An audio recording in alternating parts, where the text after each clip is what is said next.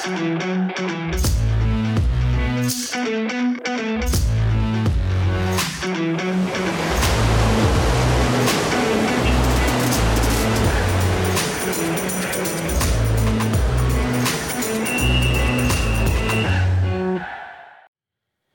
pozdrav svim gledalcima podcasta Pod kapicom. E, Dobrodošli u 139. izdanje. Malo ćemo se baviti nekim aktualnostima, malo više pričati sa mojim dragim gostom koji je vaterpolo karijeru gradio u Nišu, a kao mlad prešao u Nemačku i a, danas radi kao, kao trener u, u Duisburgu, a, a upravo i njegovo gostovanje vezano i za ono što se dešava tokom, tokom vikenda, mada sada kad budete gledali emisiju, to će već biti tokom minulog vikenda, kvalifikacije za, za Ligu šampiona u kojima nastupaju i klubovi iz regiona sa akcentom na ono što se dešavalo u, u, u Kragujevcu. Dakle, ova emisija će biti više posvećena tome, s obzirom da i Duisburg je igrao tokom vikenda kvalifikacije za E, elitno e, takmičenje. E, naravno, videli ste i na mom Instagram profilu da je gost Vuk Vuksanović, trener Duisburga. Vuče, dobrodošao, mi se već onako dugo drugujemo, što se kaže, pričamo na, na, na temu Waterpola i mnogo mi drago što su se eto konačno stekli uslovi da, da budeš gost ovog podcasta. Pa aj kaži za početak i kako se osjećaš u ovom studiju.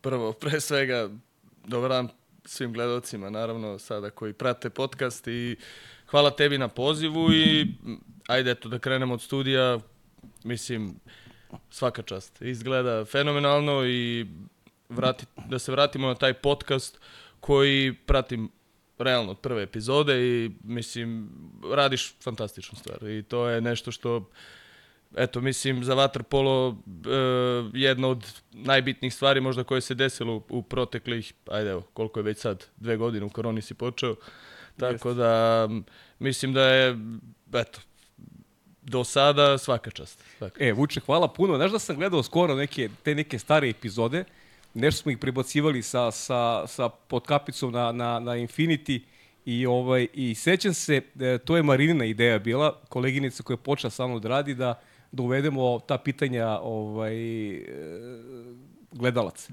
I sećate da si ti postavio prvo pitanje za, za, za epizodu. Mislim da to bila epizoda sa Sorom, da, da, da, smo, da smo tada krenuli sa, sa pitanjima za gledalac. Tako da, uh, tako da ovaj, eto, hvala ti na tome što učestvuješ gotovo redovno u, u kreiranju emisija i što ih obogaćuješ sa, sa lepim pitanjima.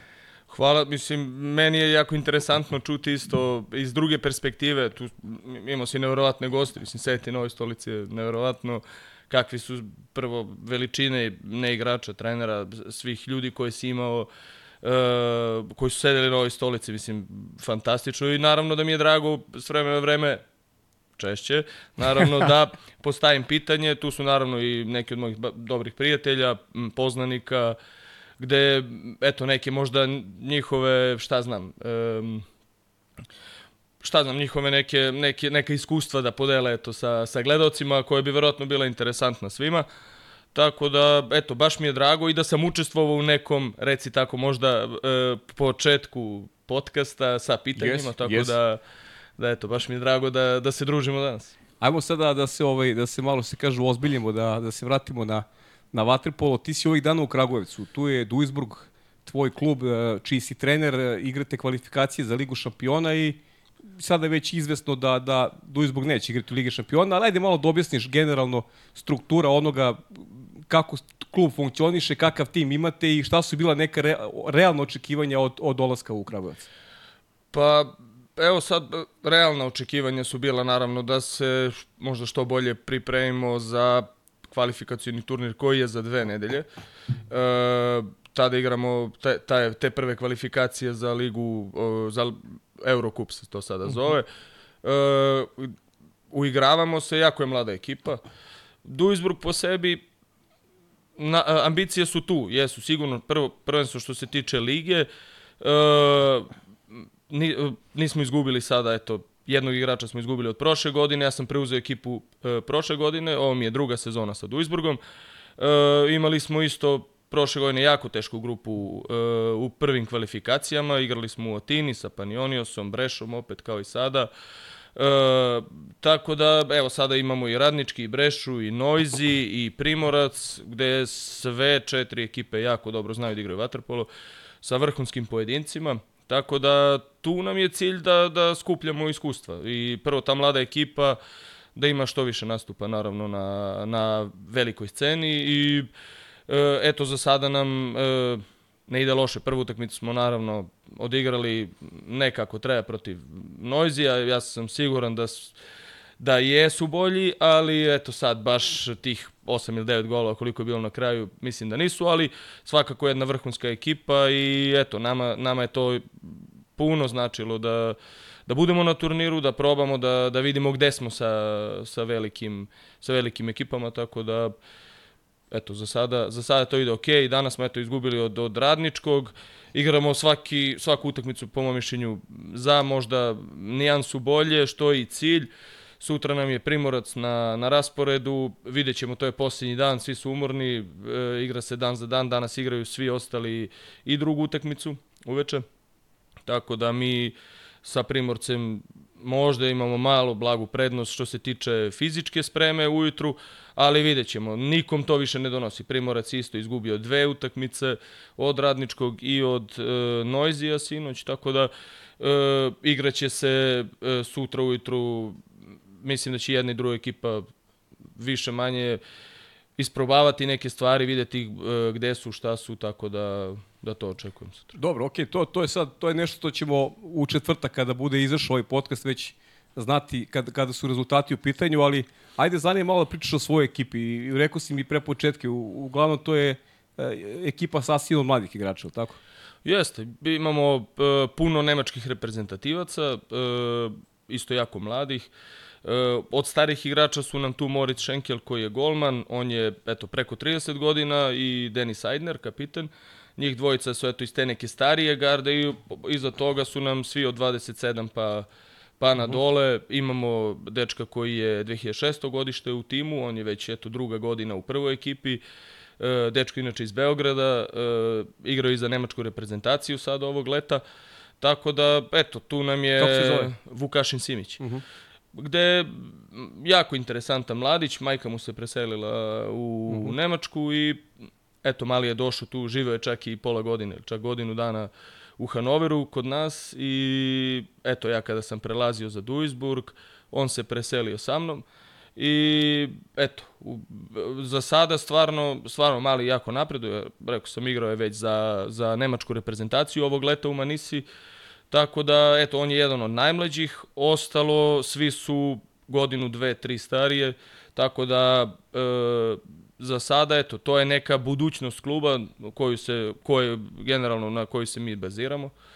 Tako da ćemo vidjeti, vidjeti kako, kako se to odvija, da li su to ti momci i, i kako dalje. A kaži mi neka, neka procena tvoja, gde ste u odnosu na, na ova dva najbolja nemačka kluba, u odnosu na, na Špandau i Hanover? Uh, Pa iskreno, u ovom trenutku sad ne mogu još da kažem, još uvek gledamo kako to izgleda.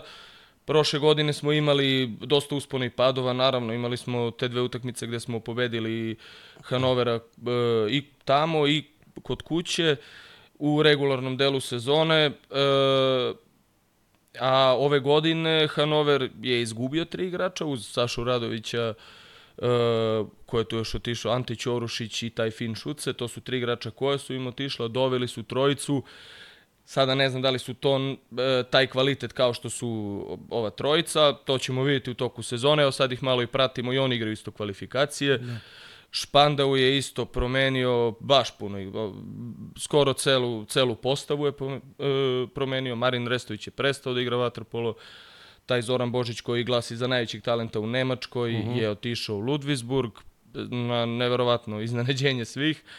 E, Marcijali, e, onda Šepelev, svi su otišli.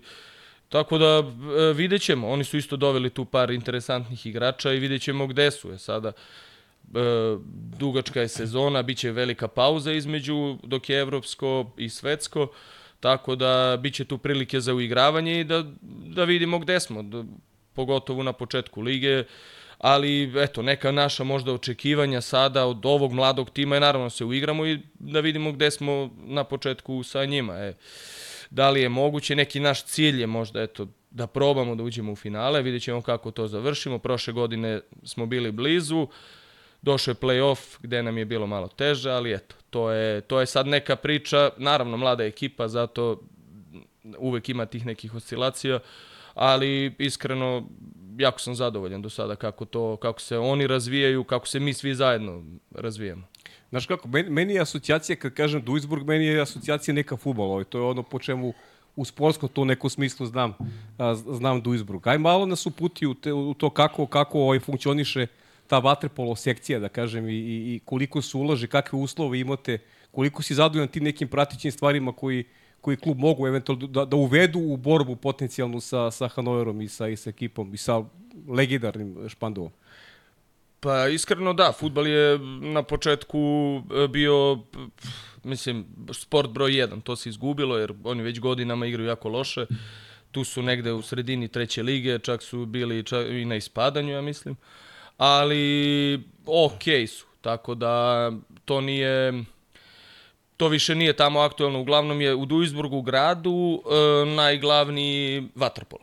I aha. vaterpolo zašto igra Bundesligu, zato što ima onda podršku i grada i naravno članova kluba. Znači klub se e, finansira od članova kluba. -huh. Mi mhm. imamo 3.500 e, članova. članova i to izgleda jako dobro. Oni skoro svi, eto, rec, recimo tako, da vole da vole vaterpolo, uh, u klubu se stva, priča o vaterpolu, onda imamo jako dobre uslove i na zatvorenom i na otvorenom bazenu. Uh, naš je bazen privatan, uh, zatvoreni bazen je gradski, ali mi ga imamo na, na korišćenje, tako da uslovi su jako dobri. E, sada imamo malih, možda još uvek se uigravamo sa upravom kluba, tu je Julian Real, dugogodišnji Aha, reprezentativac, da. reprezentativac Nemačke i član eto, tog Vaspa u proteklih par godina, koji je sada kao direktor kluba tu, e, gde, eto sada, jo, kažem, još uvek se uigravamo da, da dignemo to na neki nivo. Tako i došao uopšte kontakt da, da ja preuzmem prvu ekipu Duisburga preko njega. Mi smo pričali o tome kako ja vidim celu situaciju, ja sam igrao ranije tamo, znam otprilike i klub i sve kako funkcioniše tamo, tako da eto, sa njim sam pričao i on je, on je sad tu neko ko se bavi uglavnom prvom ekipom. E mhm. sada, imamo tu naravno i predsednika kluba i sve to, tako da još uvek to nije na, na nekom, reci tako, možda profesionalnom nivou, ali to se sve svodi, uglavnom je to neki poluprofesionalni nivo. Uh mhm. -huh. I sada ti ljudi svi rade kao i Julijan, uh, taj posao ne, kao hobi, više manje, oni nemaju nikakav, nikakav, nikakva prihod primanja, toga, da. prihod od mhm. toga, tako je, nego jednostavno e, to rade iz ljubavi. Tako da, eto, otprilike tu smo negde, sad da, bi, da li bi moglo, moglo bolje, moglo bi sigurno, e, ali eto, da se ne žalim i za sada je to skroz ok.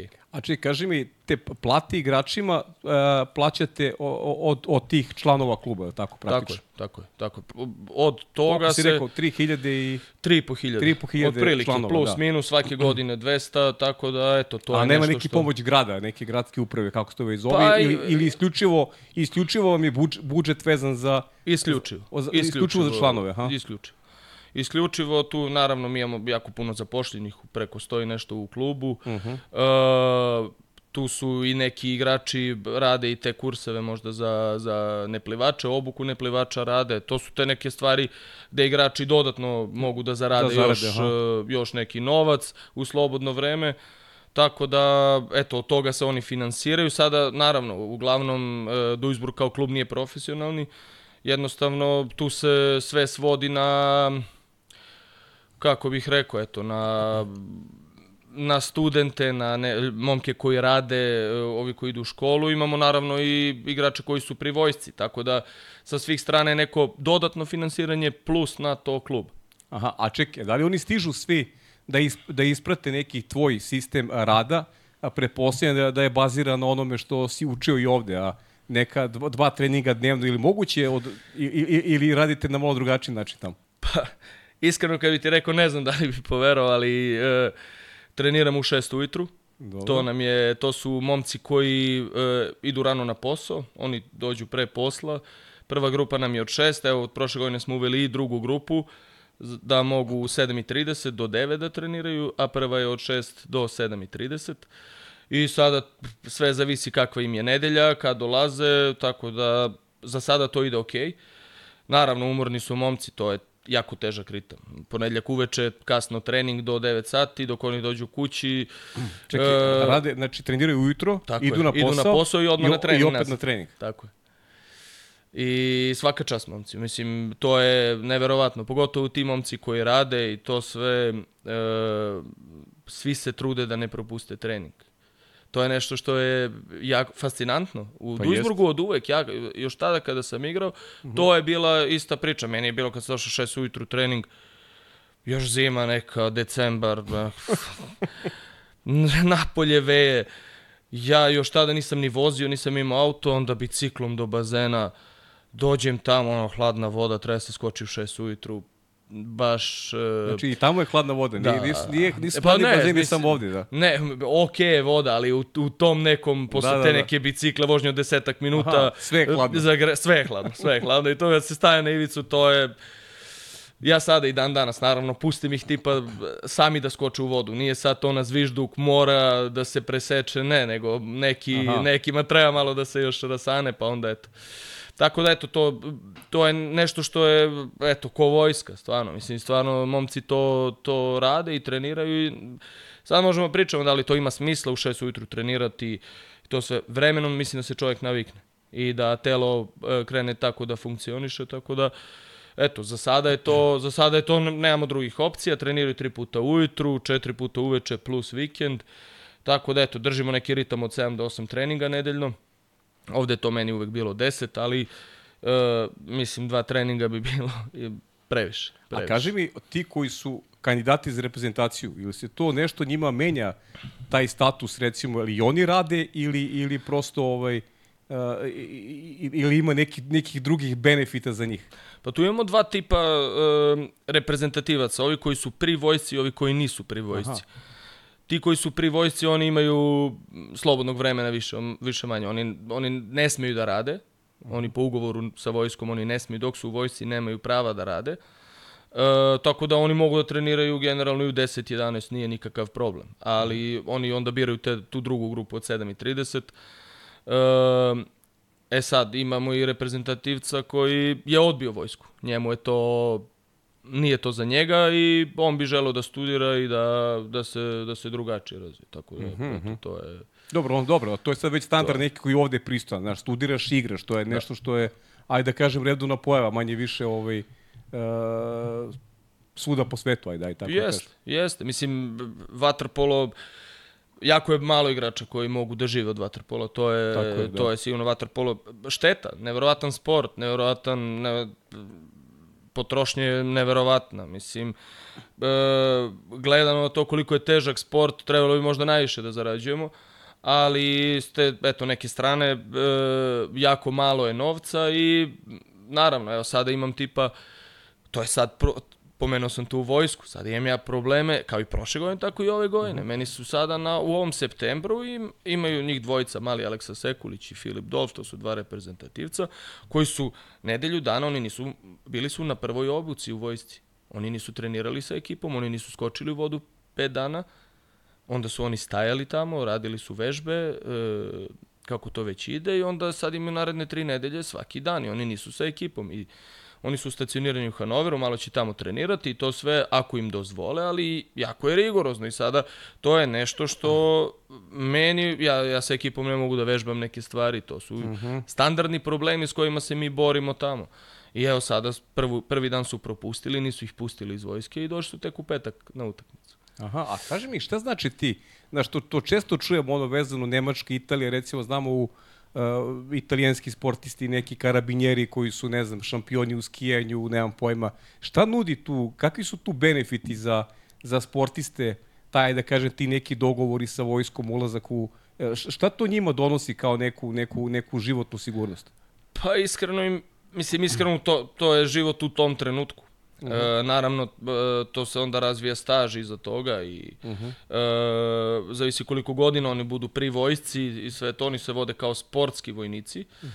E, i, osim novca tog što ima, što je jako dobro za vaterpolo, e, nemaju generalno ništa sad. Ne znam da li on ne, neće imati kasnije neki beneficirani radni staž, ne, nego će imati jednostavno ja mislim iza toga zavisi naravno koliko godina budu tamo imaće i zavisi od toga ja mislim narednih dve, tri do, ne znam, deset godina imaće neku kao penziju od toga. Aha. Do neku na, nadoknadu. Inače, e, neće, imati, neće imati nekih sad beneficija. E, sada, dok se igra, dok se ta vaterpolo karijera, to im, ja, ja ne, ne znam da li se to, slagao bih te ako bi ti rekao, da li im se to vodi kao radni staž, e, ali imaju samo profita što se tiče novca. Aha. Ostalo, nema, nema tu mnogo. Pa to im negde otežava, da kažem, taj neki profi život u kome... Pa na početku, pokret, pogotovo da. sada, kada je, kada je ova neka faza, rana faza. E, onda iza toga im je lakše. Sledeći put kada imaju tu obuku ili kako to već ide, tek za godinu i po dana. Tako da, ali oni moraju naravno biti u pripravnosti i sve to i često se desi da ih pozovu i da oni moraju tipa na jedan dan da odu i nisu tu na treningu. Uh, Tako da, ali to su, mislim, ok problemi sa time kak, da. kakav je klub i kakvi su naravno standardi tamo, to mora tako da se izdrži. Inače ne bi mogli ni te reprezentativce nikako da namamimo da dođu kod nas u klub. Uh mhm. -huh. Da.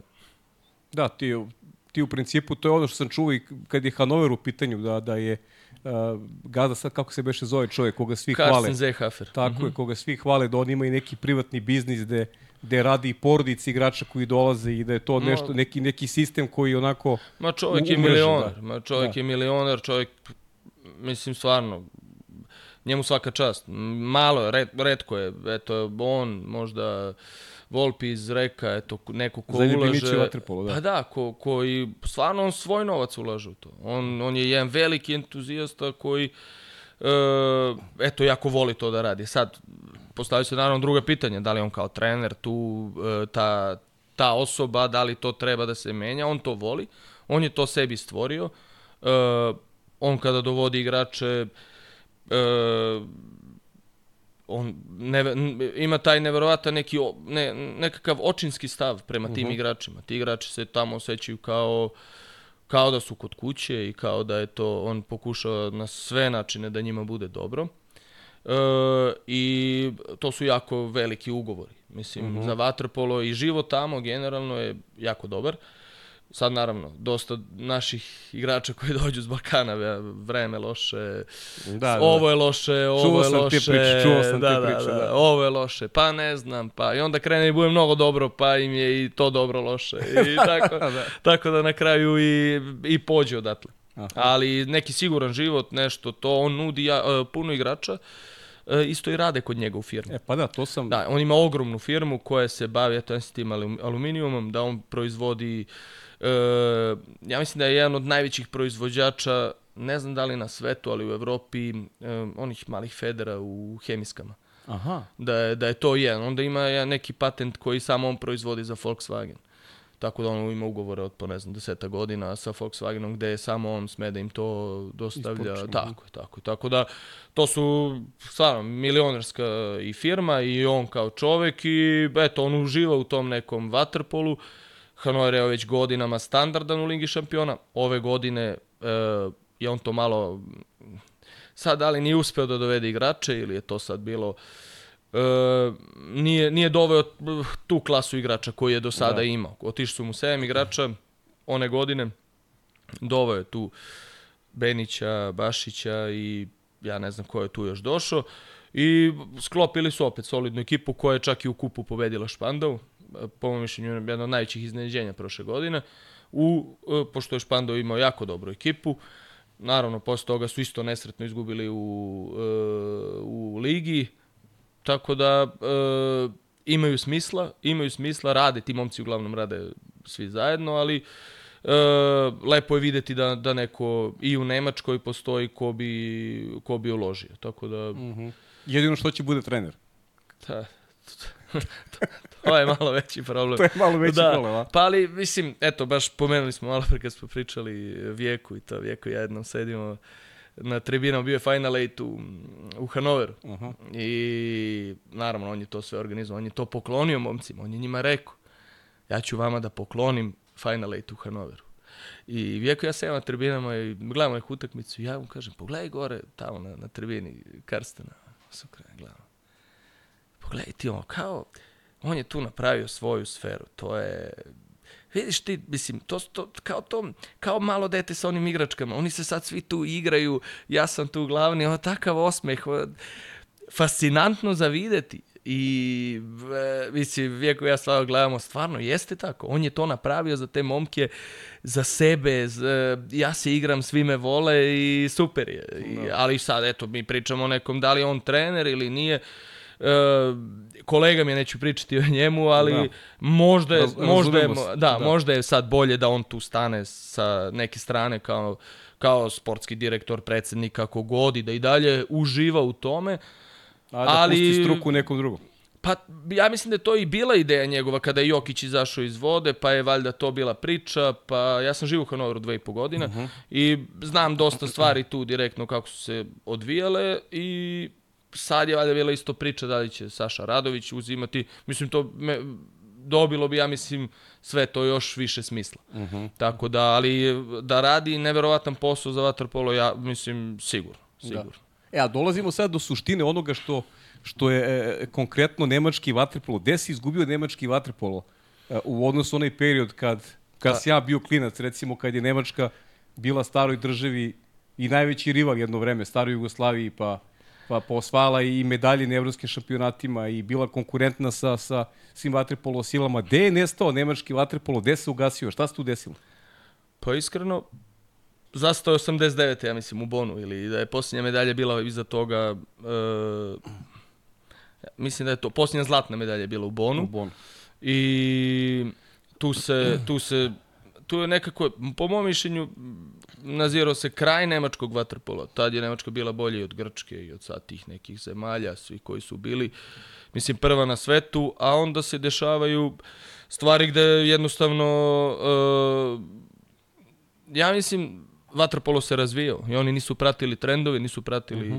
tada se igralo, ja mislim, na 35 sekundi, dve ruke, e, dosta spori vaterpolo, što je moguće njima odgovara. Oni su glasili, uvek su bili Nemci za teške, jake i to sve. Sada vaterpolo se ubrzao i sada mi gledamo Špance i Grke koji igraju najbolji vater, najlepši, e, po mom mišljenju, igraju vaterpolo trenutno, Mađari isto.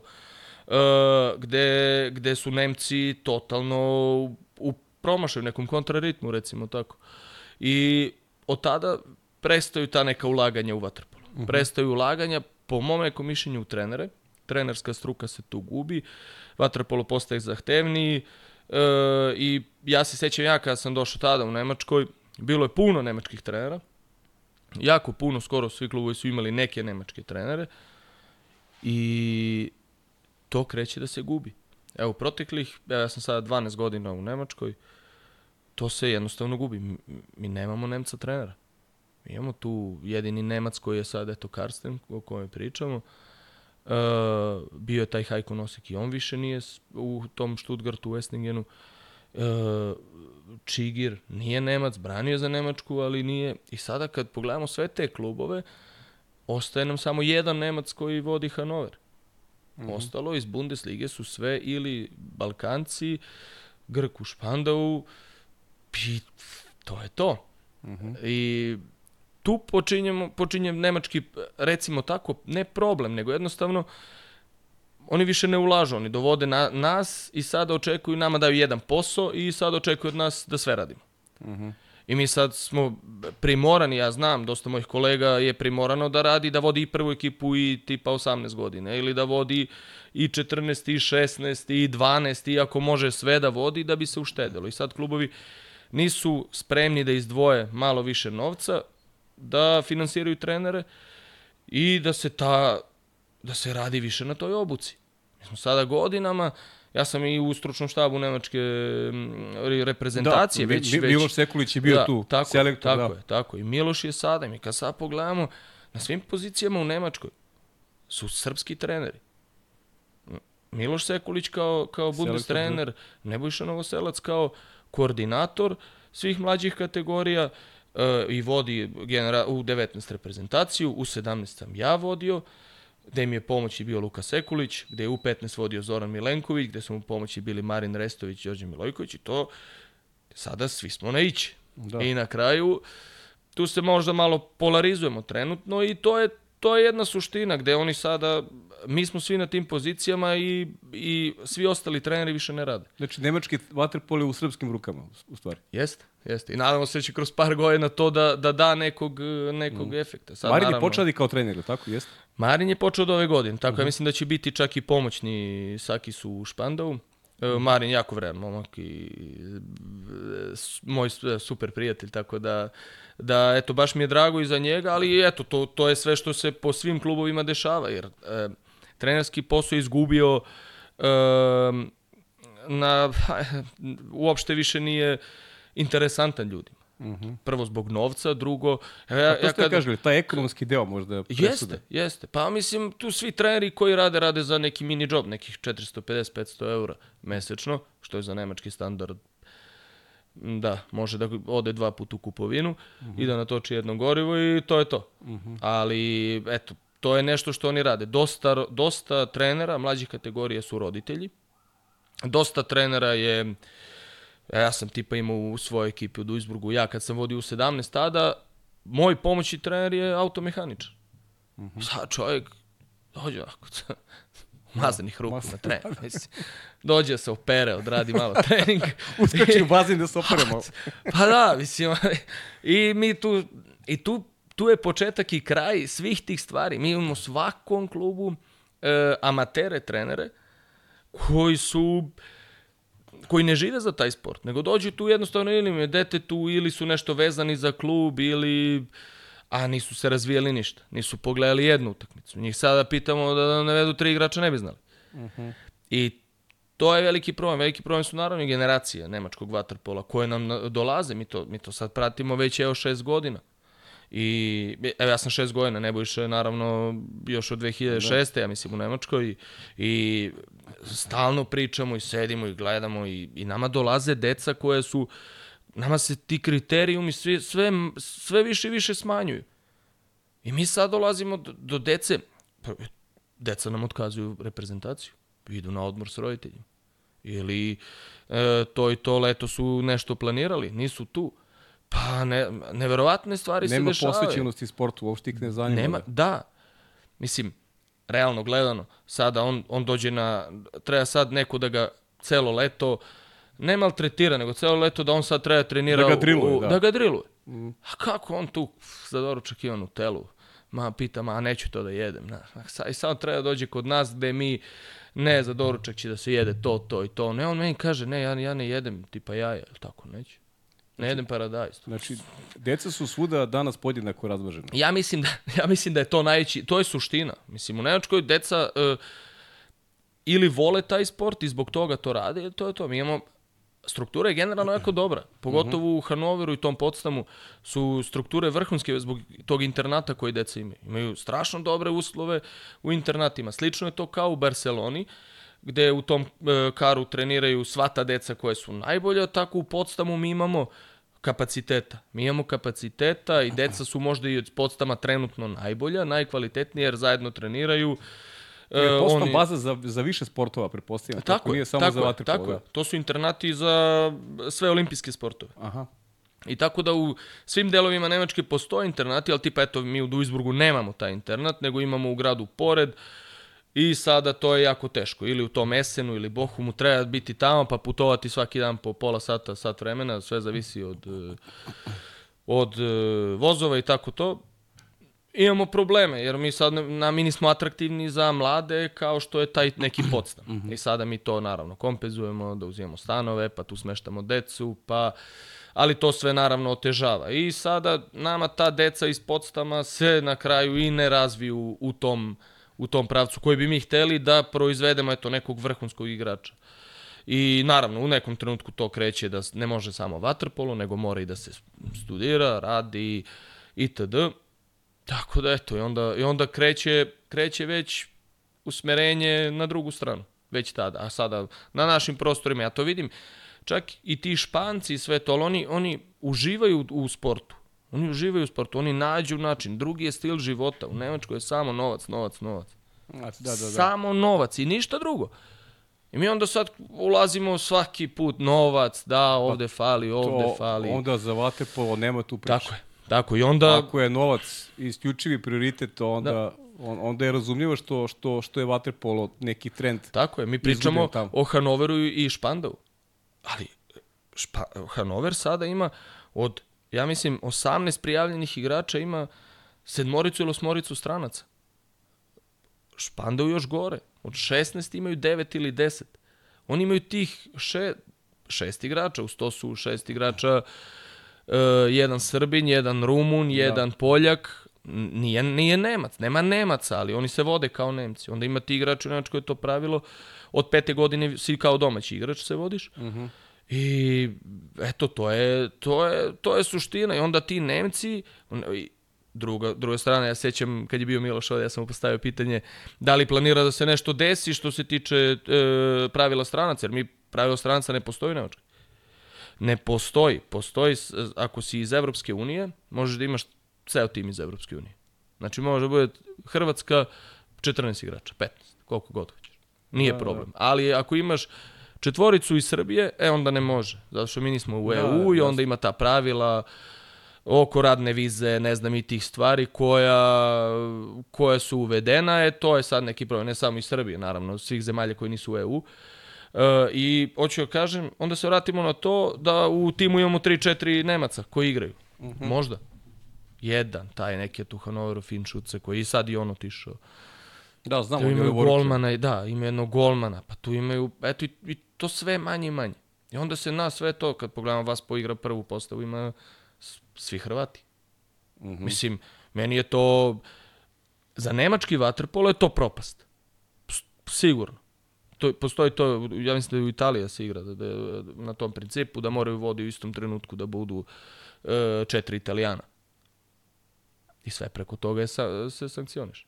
Da, da. Tako da Pa nešto samim tim te ograničava... Nešto se u Srbiji sad od naredne godine treba da se opet ograniči ovaj... Pa trebalo broj, bi, generalno Ne, mislim da zbog... da se pričalo o tome sad, ajde da, da ne pričam ja napred, mm. ali to je nešto treba da od, od, početka vajde sledeće godine da, da postane, da. što se kaže, ovaj, uh, onako su usaglase stavovi oko toga. Ma naravno. Jer ako vodiš brigu u nacionalnom timu, Pa ne možeš da otvoriš vate da ti, da ti igraju uz dužno poštovanje svim kvalitetnim igračima, ali da ti bude Absolut. ekipa sastavljena no. Sa od 90% stranih igrača. Tako je, tako i to je, e, mislim, evo sad gledamo ove ekipe, ove druge, evo sad Breša je se podmladila sa, sa, sa svim italijanima, uzeli su jednog Amerikanca, ostalo su sve italijani.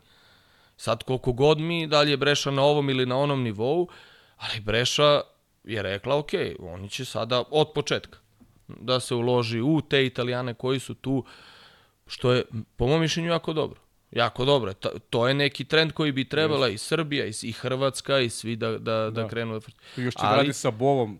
Da, da, da. Mislim, vrhunski trener, bez, da, bez da, pa daljnjeg. Da. I to je, to, je, to je i to nešto što, što, se, što imaju italijani, što imaju španci, što imamo i mi, naravno, na kraju krajeva.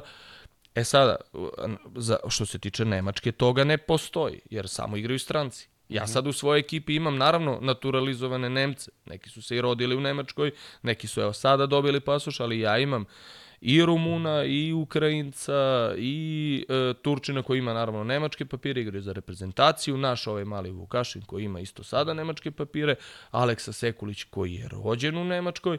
Da, Miloš e, sin, da. Tako je, tako je. To su sve, sve ti igrači koji su i Nemci na papiru naravno, ali uh mhm. -huh. se, imamo malog iz Juga, smo sada doveli tog Patrika Kolaka, koji je isto momak, opet stranac. A, nisam ni znao da, da. Kolak došao u... Da, da, da, pa eto, uh mhm. -huh. igrom slučaja i da. sada je, eto.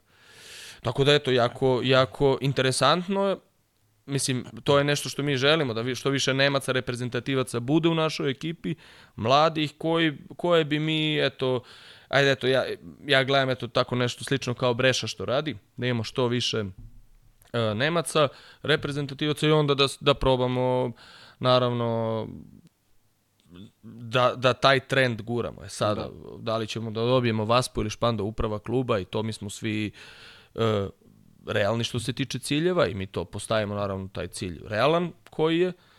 Tako da nema šta, mi pokušavamo sad tim Nemcima. Zato, zato i ta, ta neka, te neke dve, te dve pobede protiv Vaspa prošle godine su bile sa poluprofesionalcima, igračima koji rade i sve to, ni, daleko su od plata koje imaju igrači u Vaspu i mi ih dobijemo dva puta. I naravno, to je i za mene neka satisfakcija raditi sa tim momcima koji jako žele, koji se bore, koji dođu na trening, pa pa dođe umora na trening, pa nije ni za šta na tom treningu, pa sad ja moram da, da, da menjam trening skroz zbog njih dvojice, trojice. To je sve nešto što su, što su normalne stvari, ali i nenormalne. Ali eto, tako, tako mi funkcionišemo i E, I to je neki cilj. E Sad nadam se da će Duisburg dobiti na toj nekoj, na nekom priznanju što se tiče e, saveza i svega, da, se, da, da, vide, da, da vide da se radi, da, da želimo to i da, eto, ako, mo, ako je pomoć onda nekad i bitna i to sve da, da to eto, ide ka, ka nama, recimo tako. Da. Znaš šta, slušajući ti sada stekao sam utisak koji, pošto je to i pričao i Miloš kad je bio, ovaj, e, govorio je da baš manje više te neke ne- naturalizovane dece ovaj, ima najviše da nema, da nema Nemaca u suštini, ali stekao sam utisak sada, onako analiziram, nije ni u drugim sportovima ne, nešto mnogo bolje. Takođe ima mnogo te, da kažem, naturalizovane dece i to je neki, ajde da kažem, globalni problem kada pričamo o, o, Jest. o Nemačkoj. Možda neki manjak interesovanja za, za sport. Pa sigurno, mislim, sigurno, ti momci koji su naturalizovani su i najbolji. To je mm, de facto. Mislim, mi imamo sada igrače koji su, eto kažemo, Aleksa Sekulića, to se odmah vidi razlika. U kvalitetu, Odmah se vidi, pa i u kvalitetu, i u zalaganju, i u razmišljanju, da. u pristupu, priprema utakmice i sve to. To su momci koji su koji razmišljaju o utakmici sledeće. Imamo momke koji su jednostavno tu i lepo im je. Eto. I Nemci su. Tako da, mislim, sad pričam ne, u drugim e, sportovima je možda slično, naravno, ili zavisi naravno, No, futbol je nešto drugo. Okay, tako pričamo o tim nekim manjim sportima. Da. Tako je. Tako da jeste to neki možda trend koji koji možda Srbija ne bi trebala pra, da prati ili tako jake zemlje, ali Nemačka i tekako mora, jer je primorana. Jer Nemaca, pogotovo na tom nivou, nema. I to je nešto što radimo, da probamo te Nemce što su tu, da ih, da ih dižemo, da im kroz te reprezentacije menjamo razmišljanje, menjamo mm, e, uopšte psiho, psihologiju, uopšte e, pristup, e, šta znači reprezentacija, šta znači klub. E, priprema utakmice, priprema za trening, e, sve, sve, sve od početka, jer oni to u klubovima nemaju nigde. I onda nama dođu prvo, što su neobučeni igrači, onda mi krenemo u reprezentaciji da ih obučavamo, jer oni po klubovima to ne rade. Koliko god mi držali i klinike i da se to treneri okupljaju i sve to i da se priča i da se šalju video materijali i da se, mislim, Neviša radi neverovatan posao. Mislim, Novoselac. Novoselac, da, da. Tako, radi neverovatan posao. je Toliko posvećen tim stvarima. Nažalost, nema ko da ga prati. Nema, ne- nema podršku ni saveza, nema podršku ni trenera drugih ekipa. Svi znaju bolje od njega. To je, to je ta logika. I to je to što onda mi se svi svađamo nešto između sebe, ovaj nije ovo, perujemo prstu ovog, ovog, a vozovi pored nas prolaze. Evo čak i ta neka Holandija, prošla je pored nas. Holandija, Mi smo- Holandija je prošla pored mnogih. Da, i mi smo sada pošli, ono, krenuli smo u nivou, ajde sad Rumunija je bila dobra do, dok je Kosmin još igra, igra opet. Igra opet, igra opet, vratio se, da, vratio se To, to, to. Ali, eto, neka Slovačka, Rumunija koji su nekad i bili gore i mi sad idemo u tom nekom, nekom pravcu. I to je nešto što možda nas trenutno um, sve nas, struktura je strašno, strašno dobra. I sad imamo neverovatno puno kapaciteta. Sad kad bi ti rekao, mi imamo u, u zapadnoj Nemačkoj preko 100 vaterpolo klubova. Preko 100 Preko klubova. 100 klubova, samo u zapadnoj Nemačkoj. Ja ne znam koja je cifra To su neisko, svih neiskoričeni kapaciteti. Da. Nama, naravno, dolaze vaterpolo je, ne, u Nemačkoj je futbal najpopularniji Naravno, da, sport bez, naravno. bez daljnjeg, to je, mislim, kao skoro u svakoj zemlji. Tamo nama dolaze deca koje kreću igraju vaterpolo sa 12 godina, 13, koji znaju da plivaju i to je već kasno. To je već taj prvi neki deo kad bi mi možda trebali uzmemo par igrača, neki 6-7 godina, 8, mi tu gubimo taj prvi sloj dobre deca. Jer su oni već pošli na, šta znam, uh, futbal, hokej, hokej jako popularan, Da, hokej na da, ledu, rukomet, e, košarka na kraju krajeva. Tako da i onda nama idu na plivanje. Neće vaterpolo. Ne vide tamo se igra loptu. Ma ne, ne, ne. Mislim, Nemci su jako veliki egoisti, individue samo za sebe. Oni bi hteli, njima je dovoljna ta jedna pruga i da on pliva za sebi, da radi na sebi. Nemci su, po mojom mišljenju, jako bolji u individualnim sportovima, kada vidimo, ne znam, mačevanje, ne znam, to, oni su plivanje, odle plivanje, oni atletika. su tako je, oni su u tim sportovima jako dobri. A onda dođe timski sport gde bi trebao da igra iza ovog tamo. E tu već krećemo problematiku. I to mm. imamo kroz, kroz sve reprezentacije. A vidiš to recimo futbol, futbol nije, nije slučaj. Pa jeste, ali to će, evo vidjet ćeš polako i tu kreće to da se dešava. Ali i u tom futbolu ti imaš igrače koji su rođeni u Nemačkoj ili nisu ili igraju negde već drugi, to je onda već ima i toga da i to se Oni već igraju da. u drugim klubovima. Znači, uh -huh, i onda uh -huh. sad dosta njih e, igra već godinama u drugim klubovima i ne igraju tu za sebe, ali e, po mojom mišljenju i, i tu će se desiti isto. Ali vidiš, isto, ok, ovo mi je zanimljivo, ovo nisam čuo ovaj, još do sada vezano za za Nemci, jer neko ih doživljavam baš kao onako sportsku naciju, u krajnjem slučaju ja sam neko ko obožava hokej, pa gledao sam onaj turnir olimpijski da su uzeli srebrnu medalju na olimpijskim da. igrama, što je najveći uspeh. To nije bilo tako davno, to je koja je 2016. recimo tako, godina. Tako, ali dosta Nemaca igra u NFL-u, tako. U, u, u NFL-u, da, da. Mnogo da, Nemaca da, igra u da. da. Tako je. Mnogo Nemaca igra oni u NFL-u. Oni su tu jako dobro. I to je isto ta ideja, da oni idu dalje i da se razviju drugim klubovima, gde oni odu i onda, aha, nisam tu samo za sebe, ja moram da igram uh -huh. da bi mhm. bio bolji iza njega. A ovako kad su oni sami, onda se oni povuku, pa to su... A taj neki program koji, ne znam, koji ovo što radi Amerika sa Dejanom Udovičićem, ovaj, dolazak u neke te jače evropske klubove, da bi, da bi onako... Ovaj... Pa to i, i ja sam to baš pričao i sa Milošem i sve to. Eto, sad jedan jedini igrač Nemac koji igra van je taj Fin Šuca. Fin Šuca, da. Da, koji je otišao u Sabadelji, svaka čast momku i super, i treba da ode, i treba da ode da vidi.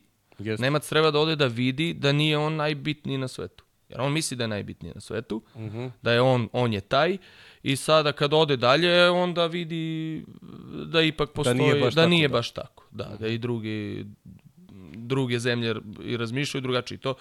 I onda sada... I, Ali i onda... kako misliš da si ne bi na svetu ako si, ne znam, deveti na, na evropskom prvenstvu, ako si 15 kako? na svetu? Kako? Pa mama mu kući svaki dan priča da ne bi. A nema to. stresa. Nema stresa na treningu, nema stresa kući, nema stresa na poslu. Uh -huh. Radi se. Nema tu. Ako, si, ako dobijaš otkaz, država te sačuva. Uh -huh. Nema, nećeš da padneš. Hoćeš, ali padaćeš, padaćeš, padaćeš. To traje dok spori, padneš baš. Spori pad, spori Tako, pad. Spori pad. I kad si pao, dobit ćeš još 500 eura preko da, da, da, da, da se, preživiš. Da preživiš do, do sledećeg. I onda opet šansa, šansa, šansa. Mislim, nevjerojatno sada kada, kada došao u neki nemački grad, odeš na železničku stanicu, ti ćeš vidjeti neverovatno puno, um, aj rekao možda lutalica, ljudi koji, mm -hmm. koji nemaju krov nad glavom, da. beskućnika, tako? Nevjerojatno puno. I uglavnom su to Nemci. Bi, ima tu neki crnac, nađe vam. Mm -hmm. Ali uglavnom su to Nemci. Uglavnom su to Nemci koji neće da rade. Tako da... E, Izabro je svoj put, misliš? Šta da, je? da, da, da. I to je ono, padanje, padanje. I oni tu što su, oni imaju i oni imaju pomoć od države. Mm -hmm. Tako da država, s te strane jako dobro, ali To, to ti kaže malo pre, on ima na stolu Nutelu i sad on treba da dođe, on ima Nutelu, ima, ima postavljeno sve, mama šta ću da jedem, mama hoću to, neću to i onda da, sad da. dođe ima mi ih povedemo, svoj, da. tako i mi ih povedemo u ne znam, evo sad smo bili na pripremu u Nišu, pa u Bečeju i to sve. Ne, da, to i to se jede. Pa oni kao, naš, nema musli da se jede za dobro. Kakav musli? no, jedi ja, mislim, kakav musli sad? Pa ja bi malo to, pa malo bananicu, pa... Da, da, da. Znaš, i, ta, i tu kreće problematika i onda imamo naravno te igrače koji su kad, kad dođe neki Mađar pa kad ga, kad ga stisne on ovako, glede. Uh mhm. -huh. Pa onda dođe protiv Italijana, svi namazani. Da, borba. Pa onda, da, i onda se on stane, tako, da, imao sam jednu jako, dobro, ja, jako kaži, dobru situaciju kaži. u Dubrovniku na turniru, tad, još sam vodio tada junior i to. I tamo se igra onaj veliki turnir, Tomo e, turnir, tako, tako. Ja, jako lep turnir, strašan turnir. Tomu Dojić. Mislim, Tomu Dojić. Mislim, najbolji druženje i sve to je super. Ali tu je jako interesantno videti ostale ekipe. Tu je preko 50 ekipa. I sada mi na ručku i sad sedim jedna majka tu koja je bila u hotelu, ona dolazi, bila isto tu na ručku i kao, e, kao, izvini, kao, deca su mnogo gladna, šta ćemo sad s decom? Ja gledam švedski sto, mislim, Kaže, pa znaš, došli ovi italijani, uzeli im, no, oni naši čekaju u redu, svi jedan iza drugog, došli italijani, ono, pouzimali svo meso, oni stoje, ništa nisu dobili. I ja rekao, i šta ćemo sad?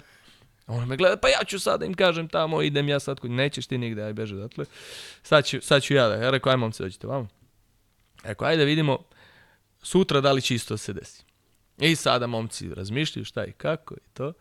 I sutra dan ista situacija. Mi dolazimo s utakmice, odmah idemo na ručak, ulaze još pet ekipe i sad kreće opšta pometnja, meso je tu gotovo i sad čeka se da izađe, mislim da je bilo oko pica. I sad pizza treba da izađe i naši vide italijane ulaze. I šta urade? Mislim, pa to je sad već napredak. Instinkt. Uz, uzimaju ceo ovaj, kako se zove, uh, ceo beštek što, što sto... Oni to uzimaju ovako. I sad italijani, ali mogu rukama vrela pizza, nema, nema šanse da uzmu. I italijani stali ovdje, sad će se čekati i uzimaju i stavljaju. Ja rekao, e, momci, svaka čast, evo je prava lekcija.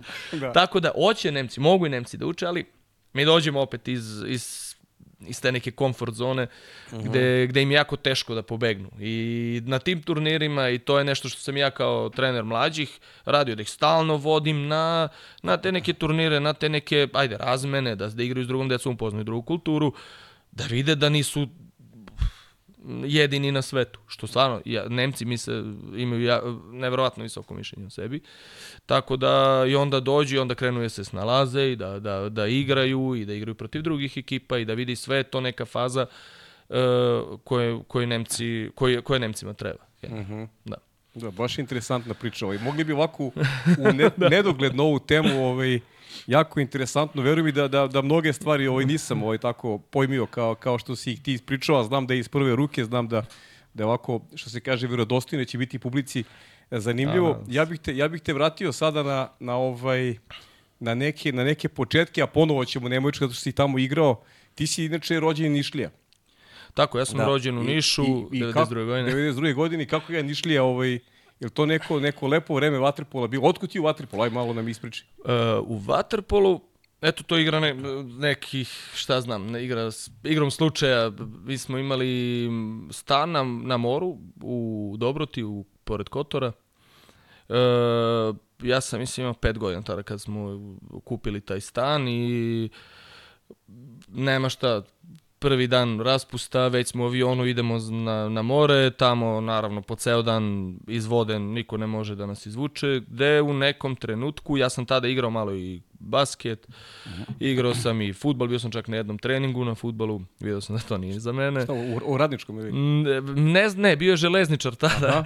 sam otišao gde sam video, ja sam bio mali i sad ja došao tamo na treningu, a tamo ja ovako stao, gledam šta se dešava, oni roditelji psuju trenera, sva što mu pričaju, on trener s pocepaju nekim patikama, psuje njih, gađaju se nečim, ja rekao, ja otiču, otrču kod oca, rekao, neću, nema šanse, nije ovo za mene, ne, ne, beži da I ništa, mi odemo, ja, evo, košarka je bila, zašto me otac igrao duo košarku, čak i bio u prvi kluba i sve to, ajmo, hoćeš košarku, ajde tamo, ja došao tamo isto i trenirao sam, ja, jedan period u tom Nibaku tada, uh, gde stvarno 200, 200, ma 200, 300 dec je u jednostavno u hali i ti sad dok dođeš da ti šutneš na koš, to traje, traje. I sad tu se igra i meni je tu bilo lepo, ali svako leto dođe more ja u vodi. I sad tu je moj kum odigrao glavnu ulogu, gde on tu vidi da mene ja samo s loptom, s loptom. I on mene gleda i tu je bio u, u našoj zgradi isto Čanislav Grubić, jer mislim, on je poznat naš rukometaš i sve. To je ono od početka, a, dobar si mali, dobar si mali, na rukomet na rukomet, gde meni dolazi moj kum, ma kao pusti ga, kao ti da se javiš kad se vratiš u Niš, tada je bio Gigi trener, kao ima tamo jedan zalizani Gigi, kaže, poslao te kum Macku, kaže, idi tamo, javi mu se, ja sad kakav polo, mislim, ja sto na televiziji, on sam koliko godina, sedam. Hoću, neću, ajde mene otac za ruku, mi se vratimo u september, je bio s mora, za ruku imi na bazeni kod trenera Điđija i eto, skoči u vodu i ljubav na prvi pogled. I ja rekao, to je to, to je taj sport za mene gde ono, učimo da plivamo pravilno, gde se igramo u malom bazenu, gde to više ragbi nego i to sad kreće jako zanimljivo da bude. Uh mhm. -huh. I u nekom trenutku, sad ja sam malo porasao i sad, eto, naravno, na, napredovao sam i sad treba da menjam grupu, ja neću.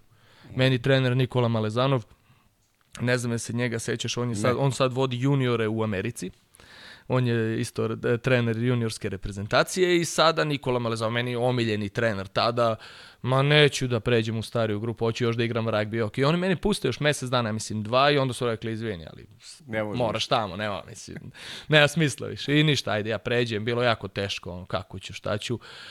I krene super priča i tada Niš kreće da bude jak. Tada kreće ta duvanska industrija, bude sponsor, dolazi cela ekipa, e, cela struktura, Manojlović, e, Boba Niki, Žile Tako, on dovodite vrhunske igrače, tada e, Kole Vasilovski, Kole, Pera da. Kovačević koji nam dolazi Pera, kao da. juniorski trener i gde mi ulazimo sada kod njega u grupu gde mi dobijemo vrhunskog trenera. I cela priča dobija smisla. Onda mi u jednoj generaciji smo mislim imali, to jest u dve generacije imali smo 80 deca, ako ne i više. Gde je to stvarno ozbiljno. Mi sad krećemo da igramo ozbiljan vaterpolo sa nekih 11, 12, 13 godina. I krećem naravno, meni, meni to postaje život, trening da se ne propusti, sve to i To je išlo par godina, mislim, ja se sećam Niša tada, mi smo kao klinci naravno u obavezi da gledamo utakmice, ne u obavezi, svi su ih hteli, tada se tada je igrao Niš na, na jako dobrom nivou, borio se za titulu Srbije Crne Gore, mislim da su Partizan dobili u polufinalu i onda Jadran Herceg Novi je bio tada, mislim, Vanja Udovičić da još igrao i da je to bila ja, jedna vrhunska ekipa, gde smo, mislim, mi izgubili tu, ali se napravio taj neki kult, ok, Niš, Waterpolo, spektakl, što danas redko gde se vidi takav spektakl kako su gasa se svetla, e, predstavljanje vrhunsko crveni tepih, tu se pozivaju svi ljudi, to je onda sinhrono plivanje na poluvremenu. Gde to, pravio to se, doži, događaj do, se da, pravi, da. Pa ali, ali to je najveći problem trenutnog vaterpola. Bravo, to se Zato baš što ti kaže. mi ne radimo na tome, mi menjamo pravila, mi Tako pravimo je. show, Tako ali je. mi ne pravimo show koji treba da pravimo. Tako je. Ti dođeš na bazen i posle sat vremena ti odlaziš sa bazena, nemaš ti kao sadržaj, ništa, nemaš ništa. Ništa. I to je sad, ja sam često na utakmicama i u Bundesligi i to Mislim, mi imamo pauzu od 3 minuta na polovreme i to su skratili. Pa čovjek ne može da ode do WC-a. Yes. A kamoli da okupi možda pivo, da ne znam, da, da kupi sok, da, da ne, nešto uradi, da popriča sa nekim utakmicima. Yes. Ništa. Što pre, što brže, ajde sad i kraj. Yes. I to je nešto što, što mislim da, da se uopšte ne ulaže. Onda kažem, to sinhrono plivanje je bilo vrhunski. Mislim, stvarno. To je show koji ljudi i na poluvremenu pa stanu pa gledaju, pa je to interesantno, to se ne viđa svaki dan. E, uključimo dva sporta u jedan. Onda se bacaju loptice s potpisima, pa mi svi kao deca čekamo ispred da nam se pot, potpišu igrači, da li na lopti, majci itd. E, da se slikamo sa njima. E, toga više nema. Da. I animiraš decu na taj način. Tako je. Publiku. Sve više i više dece. Niš izbacuje onda i generacije onda, i, onda idu, mi, mi smo generacijski tad pobedili Partizan koji niko nije mogao pobediti, mi smo ih dobili, tad nas je još Pera vodi. Uh mhm. -huh. Ja mislim da čak bio rezultat s nulom, da smo mi prva ekipa koja je Partizan nikada dobila s nulom. Uh -huh. um, onda, onda ima, ima, kažem, cela priča do, dobija taj smisla. I Sava je tipa, Sava Rađelović isto. Da. Uh, on je godin dana mlađi od mene, mi smo bili jedan period možda najbolji drugovi i, uh mhm. -huh. i dan danas on, čujemo s vremena na vreme. Uh, ali to je, to je ta cela neke generacije. Generacije iza toga, koje su isto imale, uh, Niš je imao prvu ekipu i imao je drugu ekipu kao Partizan i Student ili Partizan i uh, Banjica imali, su, imali smo Niš i Rasinu, koja je bila u Kruševcu smešta. Mislim, uh, tu ekipu je postao, mislim, Pera Kovačević uzao da vodi jednu godinu, pa je posle prvu ekipu, pa, pa su onda, mislim, 2005. svi otišli. Uh mhm. -huh. I onda kreće propasniškog sporta, dolaze treneri koji su, pa, recimo, više manje zaduženi za taj neki propast. Nisu oni, mislim, to hteli namerno, ja, nego jednostavno nisu znali. Nisu znali. Nisu znali. Da, da nego su došli, tu se nešto izmenjalo, mislim da više nije bilo ni podrške Saveza i baš velika šteta. Evo sad gledamo Niš koji se bori za goli život. Mislim, ja sam bio sada dole, bazen je katastrofa. Nula se ulaže u, u vaterpolo tamo. Ne u vaterpolu, u bazenu, infrastrukturu, bilo čega. E, otišli smo na pripreme sa nemačkom reprezentacijom tamo, oni, oni samo pokušavaju nek, neke termine da nam uvale, da nam plate, da nam naplate. Da. Da, da, da. Mislim, to su ta neka posla koja odbijaju svakog onda. Neće niko da ide više tamo. Mislim, nema smisla. I to je, e, to je onda ceo taj neki proces. I ja u nekom trenutku, mi smo još igrali tad Super ligu, izborima, mislim, opstanak protiv, tada smo igrali protiv Singidunuma, izborimo opstanak i Sava je godinu dana iza toga prešao već za Kikindu. Mhm. E, ja sam, da, ja sam još ostao tad, e, posljednji možda iz te neke generacije. Ja sam ušao tada sa 15 godina u prvu ekipu. I tada se tu svake godine dovodilo po 10 igrača. To su neki igrači na zalasku karijere, ništa od mladih igrača. Mlad, najmlađi igrač nam je onda taj Igor Lazić koji i, dalje, i dan danas golman tamo. E, gde, gde jednostavno igramo, igrali smo i kvalifikacije za Ligu šampiona i ne znam, i sve te neke stvari gde već više nema niko, svi hoće da idu. E, nezadovoljstvo, novac kasni, plate, primili su prvu, pa to je to. Dužni svima i svi hoće da pođu. Naravno, kažem, Sava je otišao, već godinu dana od toga ja sam rekao imam još godinu dana školu, ostaću da odigram, da završim školu i posle toga da vidim. Šta si završao? Pa završio sam tu gimnaziju u, Mhm, u u Nišu. Nišu, ja, da. da, da. 9. maj koji je eto imala sportsko odeljenje, isto i Sava, isto bio, eto kad već pominjemo, i on isto bio u toj školi, bilo je puno e, nas iz, e, iz Vaterpola i onda, eto, ništa, dešava se to, završavam školu, upisujem DIF, e, ali umeđu vremenu ja sam već imao, e, odradio sam probu u Duisburgu.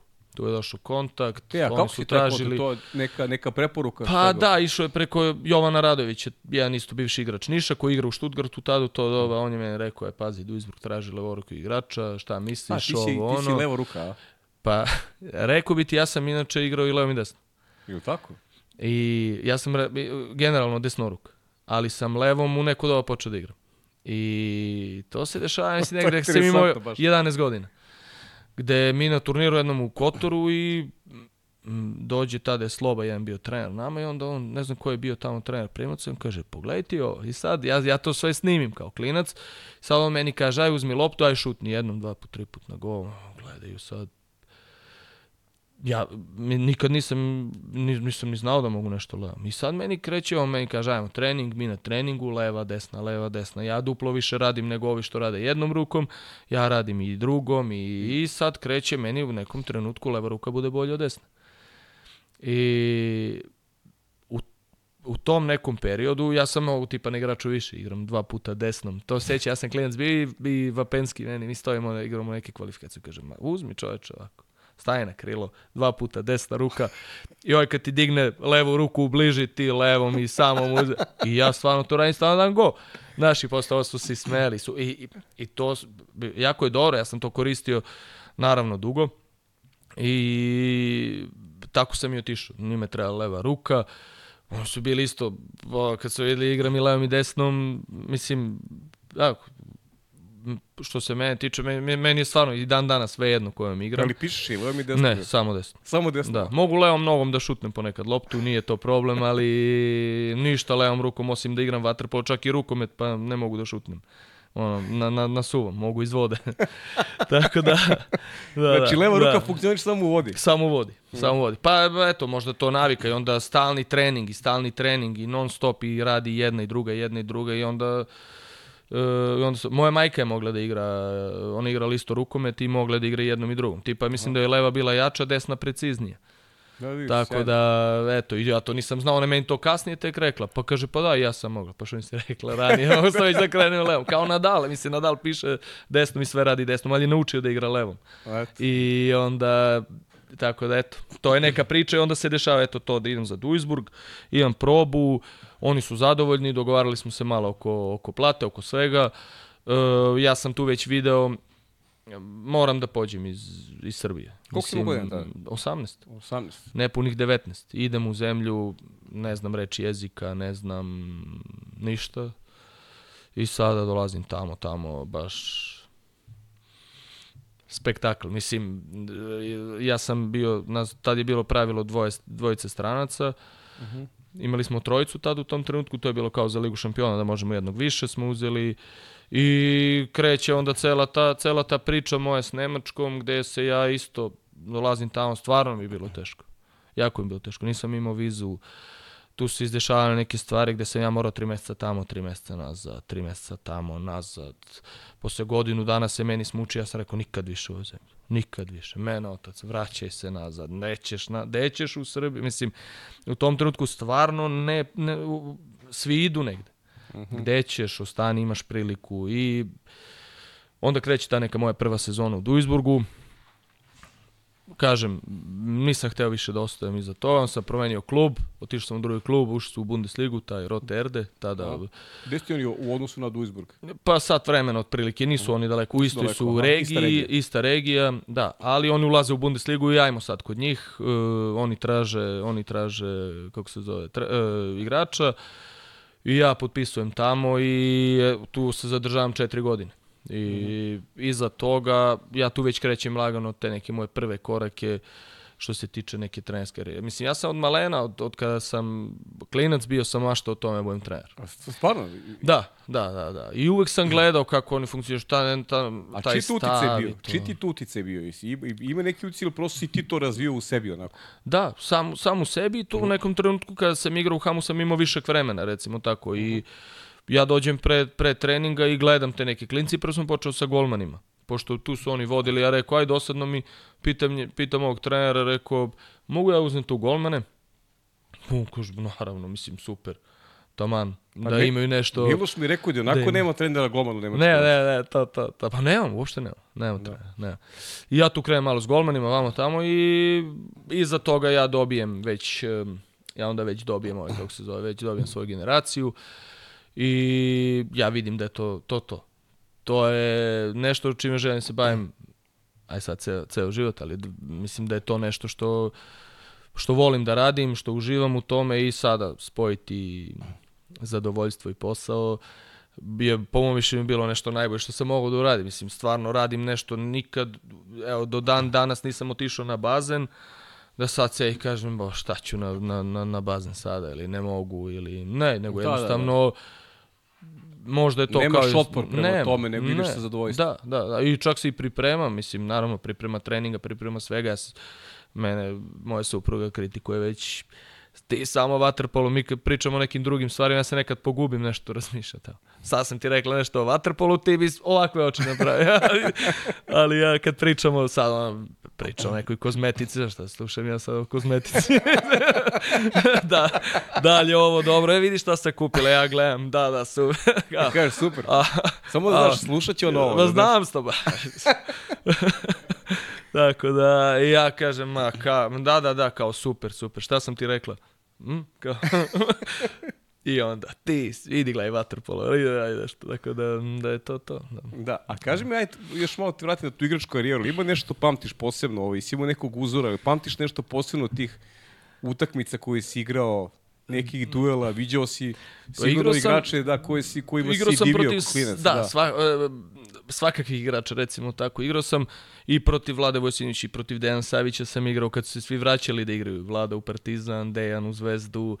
Uh, igrao sam protiv svih, protiv Andrije, Fiće, cele te generacije tada. Ja sam bio klinac, ali sam igrao. Niš je tada forsirao isto uh, s vremena na vreme mladog igrača. Tada sam dobio, imao sam highlight u toj nekoj karijeri. Moj prvi nastup, moj debi za prvu ekipu Niša. Igramo s Partizanom, tribine gore grobari, -huh. ovamo s druge strane Meraklije i to u stvarno u Nišu bude, da, i, i baš bude vrhunska atmosfera, to sve grmi, to se trese.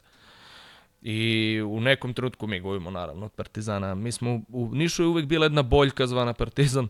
Kada dođe Partizan, 7 igrača se povrede ili su bolesni, ne igraju. E onda klinci, ajmo klinci i znamo da ćemo da izgubimo sad. Pitanje je koliko. Partizan šta je radio tih godina, oni dođu tu i isplivaju, šta znam, 30-40 puta 100 sa lopaticama i onda krenu da igraju s nama i dobiju nas 15 razlike, a minimum. Da. I sad kreće ta utakmica i naravno ja sad prvi put sve se to dešava i ja u, u vodi i sad kreće tada mladi Bane Mitrović na golu, uh -huh. e, e, na klupi Kuljača, On je bio prvi, ali ajde sad igramo s Nišem, naravno, da. sad će, da. I Počeo sad se da. ja sećam, tu mene pušta tipa 4 minuta do kraja. Prvi napad, mene čuva Matej nastran, vratio se nazad u zoni, na meni, što, mislim, naravno, pustit će najmlađeg tu da šutne. Vežbe, verovatno. I sad on se vraća nazad u zoni i ja tu, ma ne smijem da šutnem, ja bacim loptu tamo, istekne vreme, mi nazad, Sljedeći napad opet, ista scena, oni igraju tu zonu i na meni, na još jednom i ja tu jedno dodavanje drugi. Tad sam igrao na levoj strani, nego sam da desno. I ja stojim tu, dam pas, sljedeće dodavanje, ja recimo zažmurim i šut i tipa u 90 od statiju. I sad svi, ja tad još mali, naravno, 40 kila manje, 30, ne znam ja. I sad svi stali i gledaju i meni grobari krenu da, da skandiraju, bravo, mislim, i gubimo, ne znam, 18-3 možda, ne znam Da. koliko je bilo.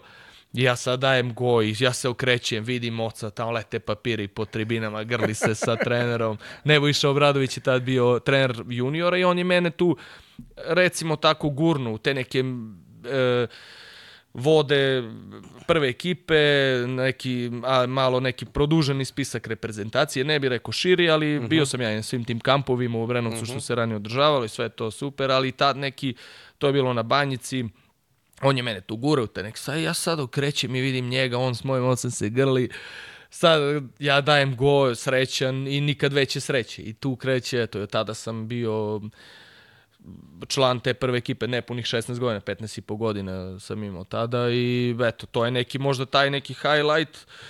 Naravno, ja sa nekih 70 i nešto kilograma u jednom trenutku sam na Ryanu Bailey od, šta znam, 125. Da, Ryan Bailey igrao tada. Dva Dva... metra i ne...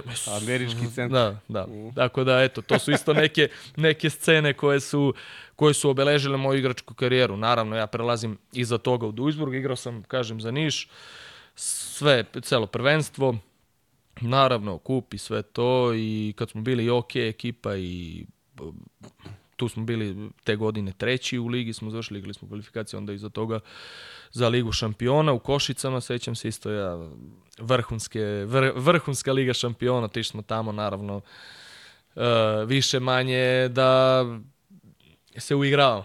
Recimo Da tako. skupo prodate Tako, koš. Da, to, to, to. I da bu, za neke starije je to bilo više manje ekskurzije i to. Aha. Za nas mlađe naravno iskustvo. Tako da bilo je, bilo je jako dobro i onda iza toga, kažem neko doba, ja preuzimam odgovornost e, cele, cele ekipe. Bukvalno ostajemo ja kao e, možda najstariji igrač s 19 godina. Sve ostalo ili mlađe ili su tu negde. To je ekipa stvarno bila za opstanak.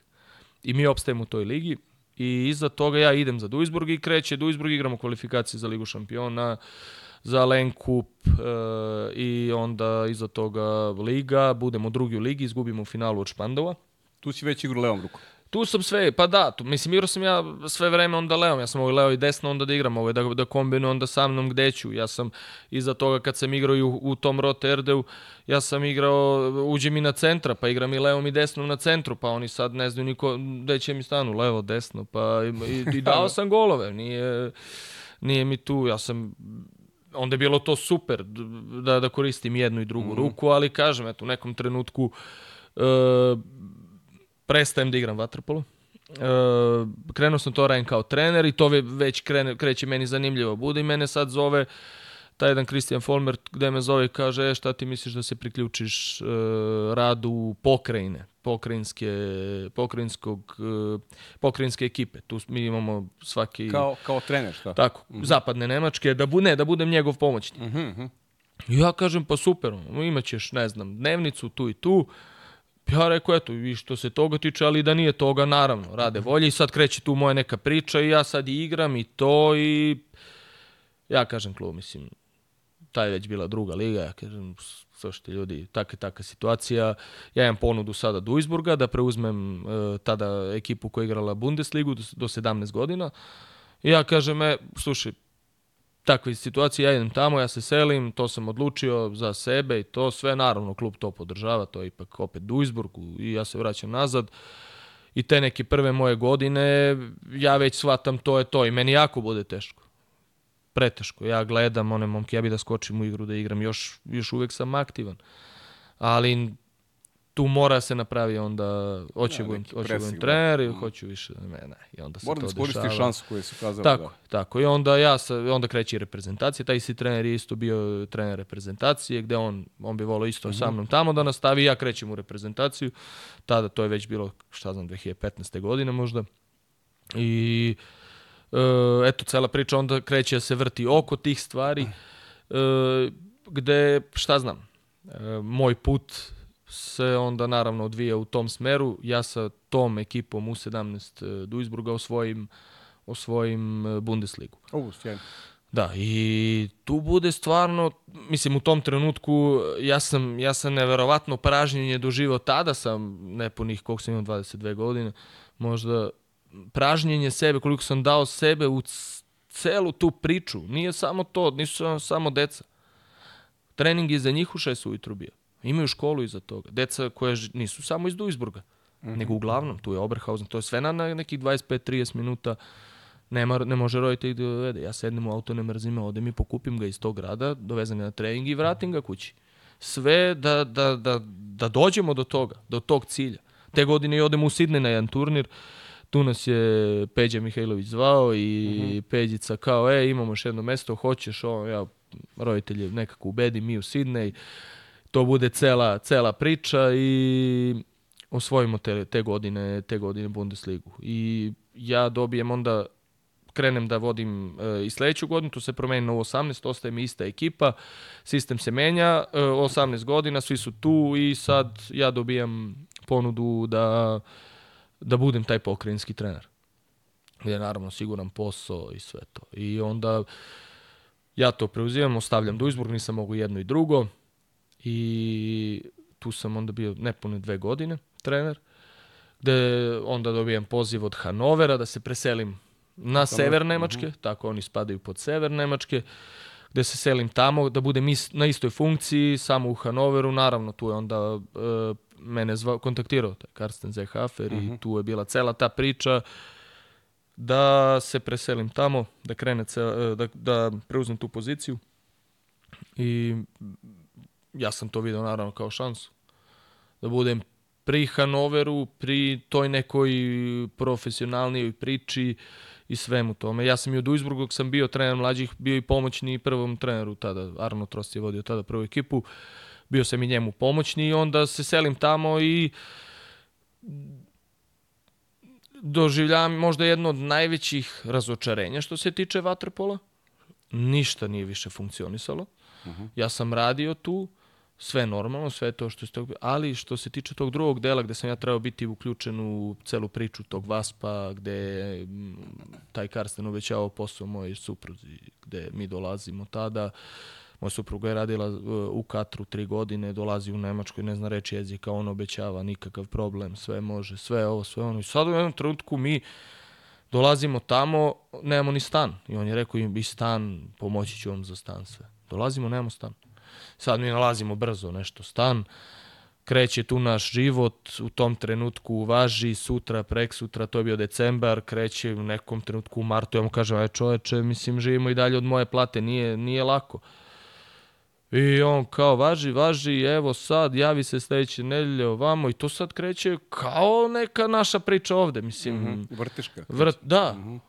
Javi se sutra, prek sutra, ovom, tamo se ne javlja. I krene korona. I naravno u koroni, ko će ti da posao, moja supruga je trudna, u tom trenutku mi saznamo da je trudna, mislim, i onda s- kreće taj Hanover i smisao da do- dobijem. Na, na, na, naša čerka se rodila, Maša, u Hanoveru, to jest u Hildesheim pored Hanovera, u Hanoveru živimo, njene, sve te neke jako lepe stvari mimo vaterpola, imamo fantastičan život, strašno dobru ekipu, tada je bio Darko Braguljan, Muslim, Nagajev je živao sa mnom u zgradi, um, tu bude cela ekipica, Marko Macan dolazi godinu dana iza toga. I sad ta neka ekipa, Darko, Petar Muslim, to mi se, mi se družimo i privatno ovako, onda uz to još tu neki momci koji drže kafić. I onda cela priča tu u Hanoveru dobija jedan, jedan jako lep smisao, ali i dalje vaterpolo ništa. Ništa, ništa, mrtvilo. Ja sam taj, taj pokrajinski trener, ali tamo nema lige, tamo nema ničega, tamo se trenira u toj jednoj dobroj bazi, deca nisu loša, ali su različita, različita, totalno, oni su ti na severu su jako, e, ne znam koju bi reč sad iskoristio, jako hladni, dosta hladni, nemaju tu neku srčanost koju imaju Mhm. tipa deca iz Berlina ili deca iz, e, iz e, Duisburga ili tu okoline. Tako da meni, meni taj posao već, pošto nisam ni u Vaspu, ništa, e, već mi gubi smisao sve to. I u nekom trenutku, eto, dolazi taj e, Julian Real, ja pričam sa njim, Da, super Duisburg. sam i ovako i kaže cela priča, Duisburg, e, taj trener je dao otkaz e, i kao šta ti misliš, kako, ono, kako, to, kako, bi, kako je tvoje viđenje, šta, onda smo se mi tu u 90% stvari složili i svega i tako je onda nastala cela priča. Uh Vlado, aj pusti nam ovo video pitanje. Vuče pozdrav, Pavle pozdrav, pozdrav svim prijateljima Vatropola koji gledaju iz sunčanog obasjanog Hanovera danas. A, Vuče, pitanje za tebe, ne direktno, indirektno povezano sa Vatrpolom, a, ali volio bih da znam odgovor, a, meni interesuje, ja se ne, us, ne usuđujem se da izračunam to za sebe. Koliko si sati života ostavio na autoputevima, putujući na utakmice i na turnire u Nemačkoj. To bi bilo interesantno da se izračuna. Koliko sati života je ostalo tu, a, upoznajući autoputeve Nemačke, pumpe i odmorišta i kako je bilo rekordno putovanje, negativno rekordno putovanje od Duisburga do Berlina od 12 sati. Pozdrav! Pozdrav selektore. Pozdrav za, za Miloša. da. da. E, ma neverovatno, mislim, to, su, to je ta priča, cela autoput i ili što bi Juga rekao, autoban, autoban, nije to Autoban. autoput, autoban. E, ma strašno, mislim, mi krenemo za Berlin, on i ja smo, ja njemu kažem, on vozi 120 na autoput. Ha, daj gas čoveče, šta si se uhvatio? Idemo mi polako, idemo, Miloš, pričamo, pričamo, ja ovako truku pogledam 120, a kaj Miloše, nagazi to, mislim, na Nemačkoj nema ograničenja, nagazi. Decu vozimo u auto, nećemo, rekao, dobro, ajde, nećemo. I ništa, pričamo, i sad neki udes. Majko. Mi imamo uveče utakmicu, mi smo krenuli tipa nešto 7-8 ujutru. Ma kakvi? 5-6 sati mi na autoputu. Deca izašle, igraju futbol. Ono tu na autoputu. Niko se ne mrda, nema ništa. A to je jedna od priča, ali milion priča. Milion. Stalno. Sad i vozovi, neverovatno puno kasne. Sada se više ne isplati ni avionom, ni vozom, ni autom, ničim se ne isplati. Ne znam kako da odeš do, do, do, do Berlina, do Hanovera. Mi smo imali nešto putovanje neko za Hanover, pa neka obilaznica, pa nerviranje, pa stres, pa da li će da stigneš na utakmicu. Počela pa Nemačka hoćeš, više na Srbiju da liči, ja? Ma, s- ba, da, da, pa sve više i više nas tamo kako da ne liči. Sad su još pustili Ukrajince, pa ne znam, Arape, pa samo puštaju i sad kako. Nešto je disciplina. Baš sam slušao nešto, isto gubi se ta disciplina i to sve u Nemačkoj. To što su sve kao Nemci bili, ma mislim, mi smo mu lepšali tamo narod. Ali da, da, na to pitanje Miloša jeste. Jeste, imali, to je, to je, e, no, ja mislim, izračunati to je nemoguće. Već koliko godina smo po tim autoputevima, idemo na jednu drugu utakmicu. Mislim, mi imamo, ja da kad sam bio taj pokrinjski trener tu u, u, na zapadu, u zapadu, to je sad, mi imamo u okruženju od, od 100 km, imamo, rekao sam ti 100 klubova, ali ja ne obilazim 100, nego obilazim tipa 5-6. I sad ti 5-6 obići nedeljno, minimum 1-2, ti si već na autoputu i dovoljno je da se negde malo zastoji desi, već je problem. Mislim, stvarno je, onda izgubi to sve, vidiš si na trening, umoran si, vraćaš se i stalno si u autu. Tako da, kilometri i kilometri. Kilometri. A kaži mi ovaj, e, šta sam teo ti, sad ćemo proći one slajdove malo, Vlado. Ove slike da puštaš malo da ih prokomentarišemo, ajde pa ću onda dalje sa nekim pitanjima, još što nisam pitao Vuka, a imamo i pitanje gledalaca, naravno. Ajde, pogledamo, ajde vuče malo sad ove slike kad budeš kad budeš video da, da ih malo iskomentarišemo, to su E, ja, to- ovo je bilo prošle godine, da, sa, sa Vlahusom, trenerom grčke reprezentacije. reprezentacije, tako da. je.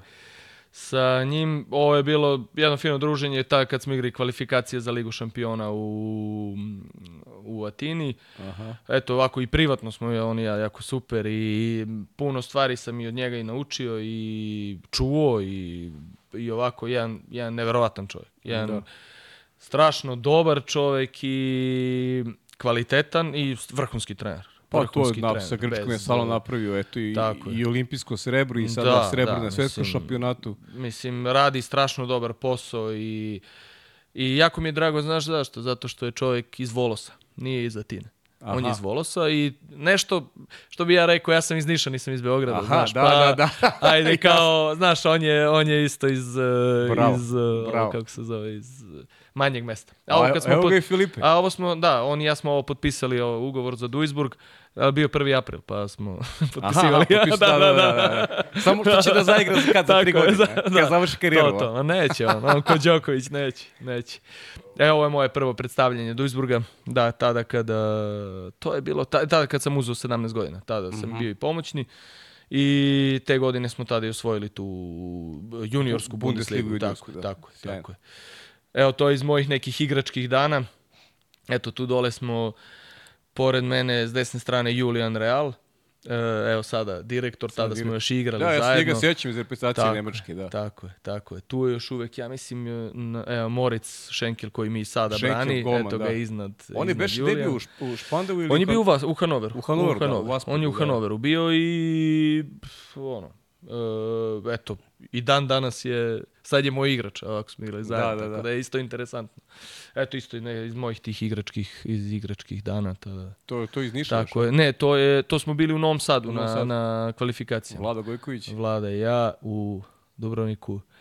Tada sam, tada sam kod Vlade hospitirao, e, imao sam, ja sam inače završio trenersku akademiju u Kelnu Mhm. i na toj trenerskoj akademiji e, je obavezna, mislim, tri nedelje je bila obavezna, obavezna mm, hospitacija.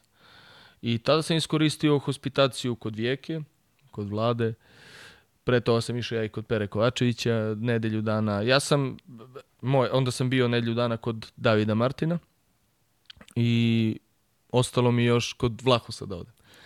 To je sve, je bio dogovor, sve je bilo dogovoreno. Sa Vlahosom smo sve smo se dogovorili, ali je krenula korona i nije znao bazen gde će, kako će, restrikcije, šta ćemo da radimo, tako da uglavnom on mi je još ostao možda kao neka neostvarena želja, ali od, od vlade, od vijeke i od, e, i od Davida sam puno stvari video. Pratio sam njihove treninge e, i to sve naravno Pero Kovačića. Kada sam krenuo već da se bavim tada još e, trenerskim poslom, ja sam otišao za Berlin i pitao Peru, mogu ja da tu budem nedlju dana, neću ja ti smetam ništa, sedim sa strane, gledam. A Pera, moj trener od kao pa Pera, šta ti, naravno, dođi tu. Mislim, trening za trening, ja sam stvarno puno stvari na treningu naučio, ali iza bazena naučiš još mnogo više Naravno, stvari. naravno. Mnogo više stvari, onda sedneš sa takvim trenerima da pričaš. Mislim, ja stvarno imam sreće i dan danas da radim sa, sa takvim ljudima. Mislim, sa Vijekom Kobišćakom sam ja mu kažem, si meni taj brat kog nikad nisam imao, imam dve starije sestre, ali on je neko ko se uvek prema meni nikad, nikad nije bio on da se postavi nešto, ne, uvek je bio baš na, na, na, na tom nekom odnosu kao brat kao neko ko je i mentor i brat i neko ko će uvek savjedati da um, tako da mislim to su ljudi od Znaš kojih kako, sam najviše, o- najviše učio. Ovde smo za stolom dvojica koji vole Vijeko Kubešćak. Da, da. da. Ovaj, Da. Ajde, A pusti- ne znam da smo jedini. Da, nismo jedini Nismo sigurno. jedini, nismo jedini nismo. sigurno, da. U bazenu, u, i u bazenu i van Tako bazena. je, tako je. da. E, ovo je moja prva godina e, kao trener reprezentacije. Ovo je na Darku Čukiću u Beogradu. Mhm. Em, ovde, da, tako je, ovde smo, mislim, bili, ja ne bi znao, mislim četvrti ili peti. E, to je bilo za 2003. mislim godište. E, eto, tada, to, to je do 15 godina mislim turnir. Tada sam, tada sam prvi put e, prvi put vodio kao glavni trener e, selekciju Nemačke. E, ovo je jedna od, od mojih omiljenih slika od prošle godine i naše lige. Mislim, e, ovde ovo je taj mali Vukašin Simić e, ispred golmana, tu vodimo protiv, protiv Vaspa, druga utakmica gde oni gube, e, Benić, jako dobar momak, strašan momak. Ja nikad u životu ne bih očekivao da, da, da će on da ovo uradi, ali da li je to sad njegov instinkt bio da on vuče gona dole, da on promaši. Mislim, ja to stvarno nikad nisam video i I on je, mislim, ja kažem, Marko mi iz Total Waterfall rekao, ovo je slika godine. E, I to se dešava, mislim, svi šokirani, on vuče gona dole, maši mali go, naravno, on ga je povukao skoro, skoro do dole. Ali Štefan je objavio ovo, jeste? Ja, Jeste, jeste, jeste, jeste, jeste. I to je bila slika gde, gde ono, naravno, e, mi smo, opet kažem, kao e, jedan, nama i u, u imenu kluba stoji amater Švim klub Duisburg, to ti je, Mhm. ono, mi smo amateri, reci tako, da igramo sa profesionalcima iz Vaspa i da se ovo, ovo dešava. Zato je meni ova slika jako interesantna. Kažem stvarno, Benić, vrhunski momak, strašan momak. I, I ovako da mu se desi nešto. Gledam, on očajan, on stvarno bio očajan, on je stvarno bio očajan za utakmice, mislim. E, to je to. E, ovo je, da, ovo je osvajanje Lige te u 18. u Hanoveru kada smo, tada smo dobili Hanover, um, taj White Sharks, oni su inače bili tada godinama neprikosnoveni što se tiče juniora i ovde dobijamo njih na njihovom bazenu, to jest igrali smo nerešeno, kod kući smo ih dobili pet razlike. E sada, godinu dana, ista ta generacija iza toga je izgubila od njih preko 20 razlike. I ti momci su se tako digli, to, stvarno smo radili te sezone, neverovatno. Ja nikad nisam sa nekim juniorima toliko radio, toliko bio u tome da su ti momci toliko posvećeni bili i tu osvajamo eto tad, tad tu Bundesligu, tako da eto, jako lepo. E, Evo ga Martin, da, da. tako je. Tad sam se dogovarao sa Davidom kad ćemo da, da hospi... Ja sam prošle godine odradio tu posljednju moju hospitaciju. Ne, Kod njega- za širi auditorijum, David Martinić je selektor španske reprezentacije. Tako je. I tad smo se dogovorili. Ja sam prošle godine bio u Barceloni i tamo sam gledao baš neposredno pred, eh, pred svetsko prvenstvo koje su osvojili. E, sve vreme sa njima sam bio i ono, ja, jedno jako lepo iskustvo. Jedno jako, jako lepo iskustvo jedno videti e, trenera koji nije s Balkana. Da, da, da. E, a vrhunski. I kako, na koji način on to sada postiže. To je, to je meni jako fascinantno. Da li je on isto? Mi smo jako temperamentni. Mislim, ja to vidim po sebi, ja vidim to i po, Naravno. ajde, Vijeka, Vlado, Gojković, ne znam. da. Ma, s, skoro sva većina, osim Pere Kovačić. Osim To Pere su, Kovačić. to su svi treneri koji su, kad ih vidiš, oni su, Uroš Stevanović, mislim, Da, živa to, pu, to, bazena. to puca sve po levo, desno, ne znam gde, Vijeko je isto. Pa da. Vijeko na bazenu i Vijeko nema van bazeni. Da, to, to, mislim, Uroš isto. Str- vrhunski ljudi, ali su na, naravno, to je emocija, to je, to je stres na, na toj utakmici. I kako se zove, i da vidim kako to David Martin uspeva da uspeva da, na jedan balansira. miran, na, na jedan normalan način, na malo drugačiji način e, drži pažnju da su oni na vrhunskom nivou, naravno trening je takav, ali on, da on ne viče, da, ne, da se ne dere, da ne urla, da, da, da može i tako. I da bude svetski šampion. Mhm. Evo ovo je sad moje posljednje evropsko prvenstvo sada pre nema ni mjesec dana u Manisi, u Turskoj. To je moje prvo e, evropsko veliko takmičenje kao glavni trener. Luka Sekulić pored mene. E, isto dugogodišnji igrač Hanovera, Jadrana iz Herceg Novog e, i tako je, ovo je 17 godina Kako ste reprezentacija. prošli u Manisi? Pa nažalost smo izgubili, to je neko mini finala. To je nešto što nas prati od Holandije, gde smo se celo leto spremali za taj meč. I to je onda Koliko je bilo? 8-8 i onda smo na peterce izgubili. Mislim, sad mi možemo da kažemo da su peterci lutrije, jesu, nisu. Ma nisu, ja- ja- ja ne ma mislim ni, da ma su nisu. lutrije, da. To je nešto što ti se dešavalo preko leta, što se dešava godinama i što ti dođe na naplatu kad ne treba. I onda ti se to tada desi. Tako da, to je da. isto, Manisa, tako je. Mislim, jako interesantna ekipa. Samo jako ti kažem, interesantna. a sad ne, ne brnim tebe, naravno, ali stvarno nije sramota izgubiti od Holandije, koja napreduje ozbiljno vatru. Da, ali... Te mlađe kategorije Tako su i zaista sjajne. Tako je, tako je. Zato Baš što oni, oni rade sličan, sličan koncept kao i Barcelona, kao Mhm. i Španija. Da c- centralizuju te momke, što smo im, što ja se borim već godinama tu, naravno, Nebojša kaže, ma ja sam to pričao, ma niko neće više da sluša. Mislim, mi pričamo o toj nekoj centralizaciji. Ali to mora se desi. Mi moramo da centralizujemo najbolji igrače i da radimo sa njima. Ne, mi izmišljamo toplu vodu. Mi hoćemo ovako, hoćemo onako. Ne, Holandija okupi celu ekipu u Rotterdamu, oni treniraju od ponedjeljka do četvrtka svi zajedno, u četvrtak uveče idu u klub na trening, u četvrtak veče, petak, subota ako već igraju neke utakmice, I onda se u ponedljak vraćaju tamo. U školi su svi u Rotterdamu i, do, i doviđenja. Mislim, to, pa, to je onda suština. Ti treniraš sa najboljima tre, i tako se to dešava. Pa bili su četvrti, ja mislim, na svetskom ili evropsko, šta je bilo u prošle godine. Jest, jest. Tako Pa- mislim, tu pa je Banjo Mitrović, jedan, uh, neko ko, ko, ko je jako, on je, on je pomoćni Hariju van der Meru. A Banjo je neko ko radi sa tim momcima, ko radi u tom, u tom uh, ni internat, nego je u tom, tom sistemu u Rotterdamu i odmah se vidi napredak. Srbija ovu generaciju, ova, to ova generacija sada izlazna, ova što je i pod vojstvom Uroša Stevanović i Miloša Koroli osvajala medalje. Da. Oni su sa Holandijom na dva takmiča igrali na gol. Tako je. Bukvalno. Tako je. I, I u Beogradu ovde i ne znam gde je bilo godinu dana ranije, sad ne mogu setiti tačno sa, da ne pobrkam takmičenja, Da. ali, ali znam koliko su bile zanimljive te utakmice. I Holandija, Hol, a Holandija je onako baš... Ali reci tako, mislim, evo Oskač. sada, gled, evo sada gledamo, oni imaju to, imaju španci to. Španci su, ajde možda zbog i mentaliteta i tih nekih Mhm. drugih stvari, fizički su e, totalna suprotnost od Holandjana. Oni su visoki, jaki, e, španci mali, pokretni, brzi. Brzi, da. I sada oni, njima odgovara najviše ovaj, ovaj vaterpolo. E, ali opet je suština tada da se ti momci poznaju kao, on, on je više sa njim nego sa svojim bratom, sestrom. On svaki dan ide u školu sa njim, na treningu je, jede, spava, sve radi sa, sa Da, tim da, igračem. da.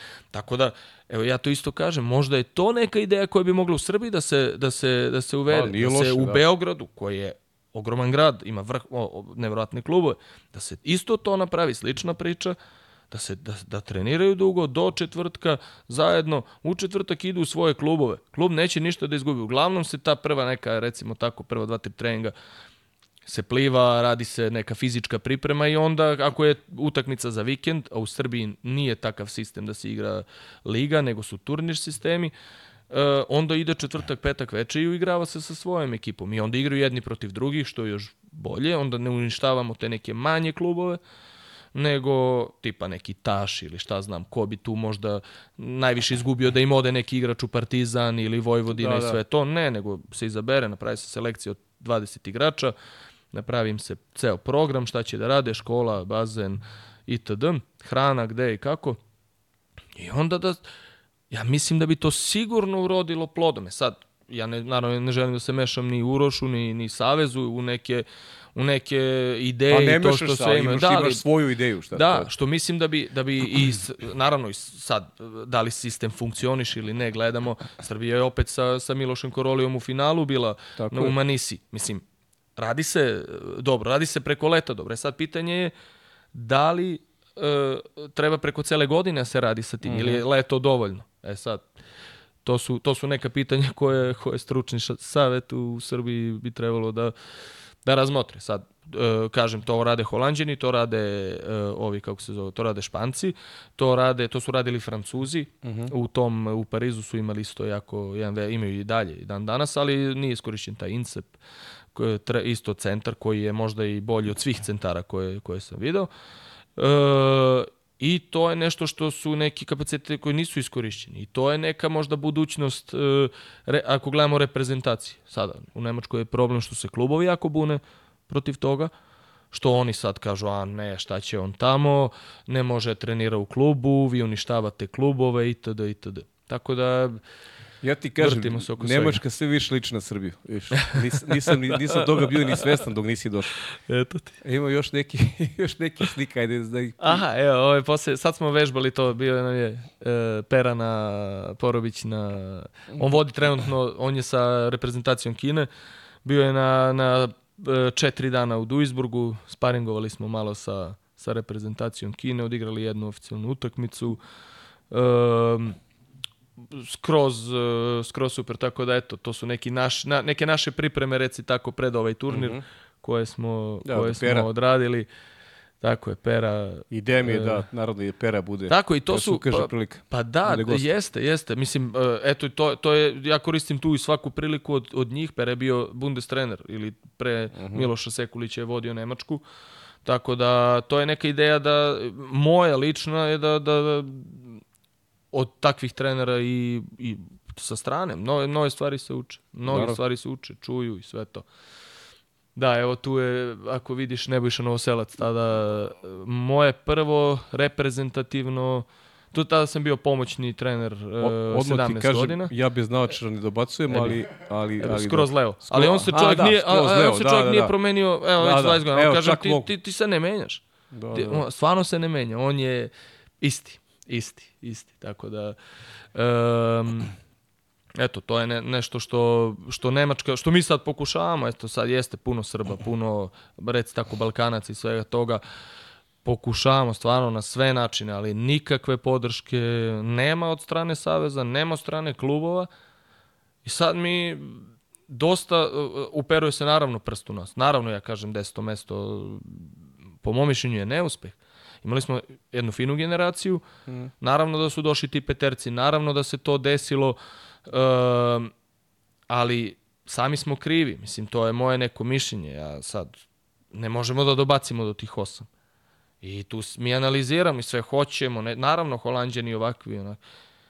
Dobra je generacija, ali nismo uspeli. Nešto tu nije bilo dobro. Tako da, to, je, to su sve neke analize i rad, ba naravno, muke. Ma mislim, naravno nam se povredi dečko iz eh, prve postave pred Holandiju, na, na zagrevanju, udari prst u ivicu. Mislim, i Znaš, igrao bi s- s- bez ruke, mislim, ne, ne s- udario malo prst u ivicu i sad boli ga, ne mogu da igram. Čuo se sa mamom pre Pa čuo utakmice. se s mamom, mislim.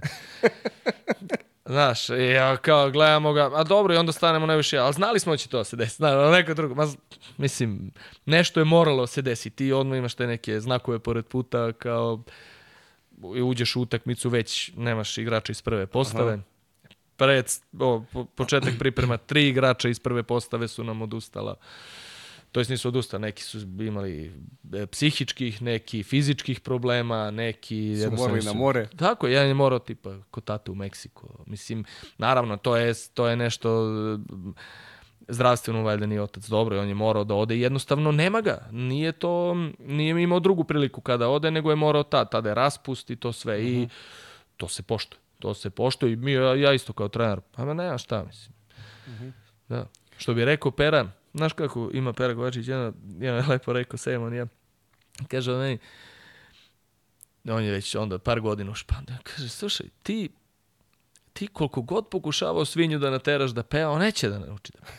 Samo možeš da je nerviraš i on onda krene da, da kviči ko luda, ma pusti to, kaže, samo radi ti. Nećeš, ma može, vozi. Sjajno. Ja, kaži mi, imamo još, imamo ovde zanimljivih pitanja ovaj, da prođemo. Ajde samo malo, onako kratko, ovaj, kaži mi kako taj neki socijalni život, šta si radio to kao klinac? Nije sigurno bilo lako s 18 godina, odeš u beli svet do Izburg ili, ili generalno kako si se adaptirao na taj, na taj život u Nemačkoj? Šta radiš ono, u neko slobodno vreme? Gledaš neke utakmice, znaš ti se svoj, ok, sad si oženjen, imaš, imaš dete, ali generalno, generalno kako izgleda ta, ta neka socijalizacija jednog nišlije u, u, U- u Duisburgu, u Duisburgu. belom svetu. Konkretno, da, konkretno, da. Ali klinca, pritom otiš si ko klinac. Pa, pazi, iskreno, moji roditelji su zaslužni za sve, naravno, što sam, što sam do tada uradio. Bez te podrške nikada ne bi ni otišao i sve to. Roditelji kao e, neko ko je ko je mene gurao na tamo, naravno gurali su mi kada je bio težak period. Ja, ti, ja kažem, kad sam prve dve nedelje bio tamo, nemam interneta, ne mogu se čujem s roditeljima, moram da idem u park, da hvatam internet od druga, gde ja ono noću ležim tu, hvatam da se čujem sa roditeljima. Meni je taj period najteži u životu možda bio. Ja stojim ispod tuša, meni idu suze. Nije da, da sad, nego me, me jednostavno toliko teško. Ne pričam jezik, ljude ne znam, Nemci po sebi hladni, niko neće da te, aj sad da te izvedemo na večeru, izvedemo, da odemo da popijemo negde piće, da, da nešto vidiš, da... o- Trudili su se oni koliko su mogli, ali to je... Nema te topline. I sada doći tamo, beli svet sa 18 i po godina, jako teško. I zato sam i hteo da, bio sam na, na ivici da odustanem. Bio sam dva ili tri puta, ali tad prvi put posle te prve sezone i mnoge stvari se nisu, nisu odvijele kako sam ja to nešto zamislio i pokušao sam par puta da upišem fakultet, nisam uspeo. E, učio sam jezik tada, došao sam do tog nekog dobrog nivoa, ali sam na ispitu e, umesto tipa te četiri četvorke imao na kraju e, tri četvorke, jednu trojku i zbog toga nisam uspeo fakultet da upišem. I onda je meni to jako teško palo tamo. Mislim, ja sam onda na kraju otišao u Sarajevo, to jest na Pale i upisao tamo nemački da studiram. Čisto da imam jezik da bi, da, i da imam, da imam fakultet kao plan B, mm -hmm. ok, ako se ništa s vaterpolom desi, idem, idem u Sarajevo da studiram. Mm -hmm. I u tom trenutku se otvara ta opcija za, za, za Rote Erde, za Ham, za celu tu priču i još, još teži život nego u Duisburgu. Duisburg je jedan grad koji je možda jedan od najružnijih gradova u Nemačkoj, sigurno. pošteno, dobro. Pa, po, pa pošteno, mislim, da. ako prođeš centrom, zgaditi se sve što si, da, po, imaš ti u Duisburgu deo grada gde ta, zove se Duisburg Markslo, tamo ti kad odeš, to mnogo mora paziš. Nada se samo izvini da ovi tvoji skubi neće prevode ovo. Ma neće, ma nek prevode. Ma znaju oni, znaju oni. No, niko ne ide tamo, zato, znaš. Tamo, pa stvarno, tamo imaš ti one no-go area, znaš, tamo ne sme ni policija, ne sme niko da uđe tamo. Znači, oni imaju crta, ta i tu, oni imaju dogovor s policijom, nema ulaska tu, mi radimo naš posao tu, policija, pazi, ti sad gledaš u nekoj Nemačkoj, imaš te neke no-go area u Berlinu mm -hmm. i mhm. sve to, i ti sad u tom Duisburgu, imaš u tom Duisburg Markslo, znači ne, ne Istanbul, nije to Istanbul, to je tu su svi pomešani, Rumuni, Bugari, e, ne znam, mm -hmm. Arapi, Turci, sve izmešano tamo i tamo je non stop neki, ne, neki skandal po ulici, nešto se dešava, to su ubistva, to su i Duisburg onda kao grad, u ja u kom sam delu grada je stvarno jako lep, e, blizu velike šume, blizu zoološkog vrta, lep deo grada i onda jedina, naj, najlepša stvar u Duisburgu je što je Düsseldorf na 20 minuta. Mm -hmm. I onda u Düsseldorf je da, pravo, najlepši da. grad možda, po mojom mišljenju u Nemačkoj, jer je jako to... lepo mali mm -hmm. i ima svega.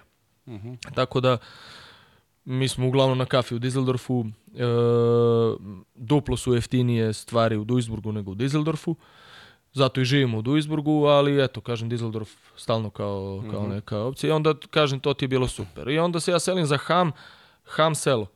Selo, jeste to 100.000 stanovnika, ali selo, mislim, tamo u 8 sati, ma kakvi 8, u 7, 8 uveče već kreću semafori se gase, nema tu, nema semafora, nema ljudi, nema ničeg.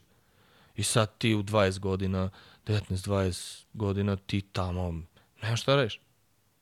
Samoubistvo, stvarno. Za, za mladog nekog, samoubistvo. I onda sam ja uvek dovodio nekog, još nekog druga ili neko dođi da igraš čovjek, ima mesta u stanu, veliki na stan, dođi i igramo, nije problem. Da imam ne, s nekim da pričam, mislim. Da, da. Jako dosadno neko vreme, vaterpolo na ok nivou, niti sam tamo sad zbog vaterpola, ali sve to u nekom, nekom cilju da, da upišem taj fakultet, onda uh -huh. sam uložio sve u jezik. Onda sam uh -huh. rekao, sad ću da naučim jezik perfektno. I meni je sad nemački kao maternji jezik. Mislim, mm -hmm. uh, stvarno, onda sam i posle i studirao na nemačkom i sve je to okej. Okay. Uspeo sam onda da, da, tu trenersku akademiju da, da u Kelnu da. da upišem. Tako da, onda sam to sve uspeo. Uh, naravno, to je došlo posle s godinama. Uh, ali pre toga jako težak. Dve i po godine, bez vize, bez ovog, stalno gore, dole, ne znaš šta je s tobom, svi tvoji vršnjaci završavaju fakultete, kreću već da rade, ti si u Nemačkoj, uh, I kažem stvarno, tu da nije bilo mojih roditelja i neko ko je podrška bila, malo stani tamo, veruj mi, bit će bolje, bit će bolje, bit će bolje i na kraju, eto, to se odvija i ide u tom pravcu i eto, za sada, za sada dobro. Dobro, čuti, ti si trenersko, u Kelnu si mogu još da upišeš neku baletsku školu ovi. Pa. To znam, ali bolje trenersko si upisao. Da, da, da. Ajde malo pređu na, na pitanja ovaj, publike, kaže, e, e, šta je potrebno da Crna Gora bude bo, opet u redu najboljih ekipa. Uha. Pa ne moraš baš onako Možda i da znam da od koga da. da. Pa ne, eto, dosta, dosta je priča oko toga zašto Crna Gora. Crna Gora na, ima nevjerojatno tako mala zemlja, tako talentovanu decu, uh mhm. -huh. tako talento, talentovane i trenere koji tu rade sada i vlada koji je tu na meti reci tako, je stalno na, naravno, to je normalno u to, tom nekom sportu da se uperuje prstom, ali e, šta je potrebno da Crna Gora bude bolja? Pa, ne znam, mislim, ne bi, da žel, ne bi želeo da kritikujem vladu, da. ali da li je sad to ta neka smena generacija koja se skoro svake godine dešava u Crnoj Gori, možda je jedan od problema. Možda, ne, ne znam, ne znam njihovu strukturu, ne znam njihovo uh mhm. -huh. razmišljanje, da li je to e, da li su to dogovori sa selektorom e, u kojim se klubovima igra, da li je to sve planski odrađeno, da li postoji plan onda iz, iza svega i da li je to da li je to njihova ideja, koja je ideja i jer ja vidim svake godine kažem, imaju strašno veliku bazu za toliko malu zemlju. Strašno veliku bazu. Mislim, yes. imaju igrača koji su van reprezentacija, koji su vrhunski u, u nekim klubovima. Uh mhm. -huh. Mislim, tako da, uh, ja mislim da će to u jednom trenutku sigurno proraditi. Sigurno. Znači, mislim da, da vlada kao trener možda traži tu neku tu ne, uh, mo, možda im fali ta hemija na kraju krajeva, da se, da se to između tih klubova kao što je Jadran i Primorac uh, da se izgladi, da, da ti momci krenu da jednostavno misle u istom putu, da je reprezentacija reprezentacija, da su klubovi klubovi i da kada se ode tamo da to postoji vrhovni vođa, naravno to je sada Vlada Gojković, on je tu, sluša se šta se, šta se radi, tako i tako i, i gura se. Mm -hmm. Nema, nema drugo. Kaže Veljko, pitanje za Vuka od Veljka.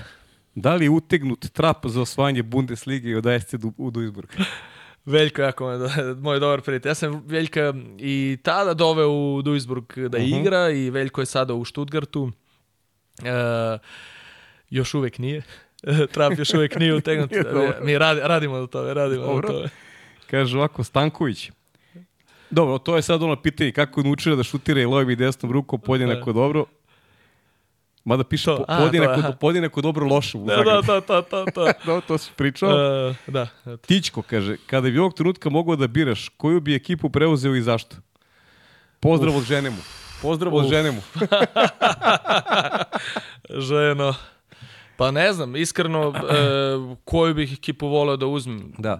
Možda, šta znam u jednoj ekipi ako mi je nešto bitno je bitno ta nek, taj neki backup, ta neka podrška kluba uh mhm. -huh. i to je nešto što ja baš sam i sa, sa Urošem pričao sada ovih dana i to se, ja vam kažem svaka čast, mislim imaš vrhunsku podršku kluba, Juke uh -huh. iza tebe, sa vijekom isto, imaš vrhunsku pod, uh, podršku kluba iza sebe, to su klubovi koji imaju jedan backup koji, koji imaju strukturu, koji sve to i to su možda ti neki klubovi uh, koji imaju ideje, koji imaju ambicije, koji žele da rade na tom nekom, mislim ja sam mlad trener, iskreno, sada ovo mi je druga sezona u seniorskom, seniorskom timu, ali to su te neke ekipe kao što je Ju, kao što je Breša, kao što je Radnički, koji ima uh mhm. -huh. ideju sa mladima da radi i sa mladima da, da, da pravi još veće rezultate nego što bi sada kao, ajde sad ne, ne kritikujem Novi Beograd ili to, da se okupi All-Star team ili Pro Reko i to sve to iskreno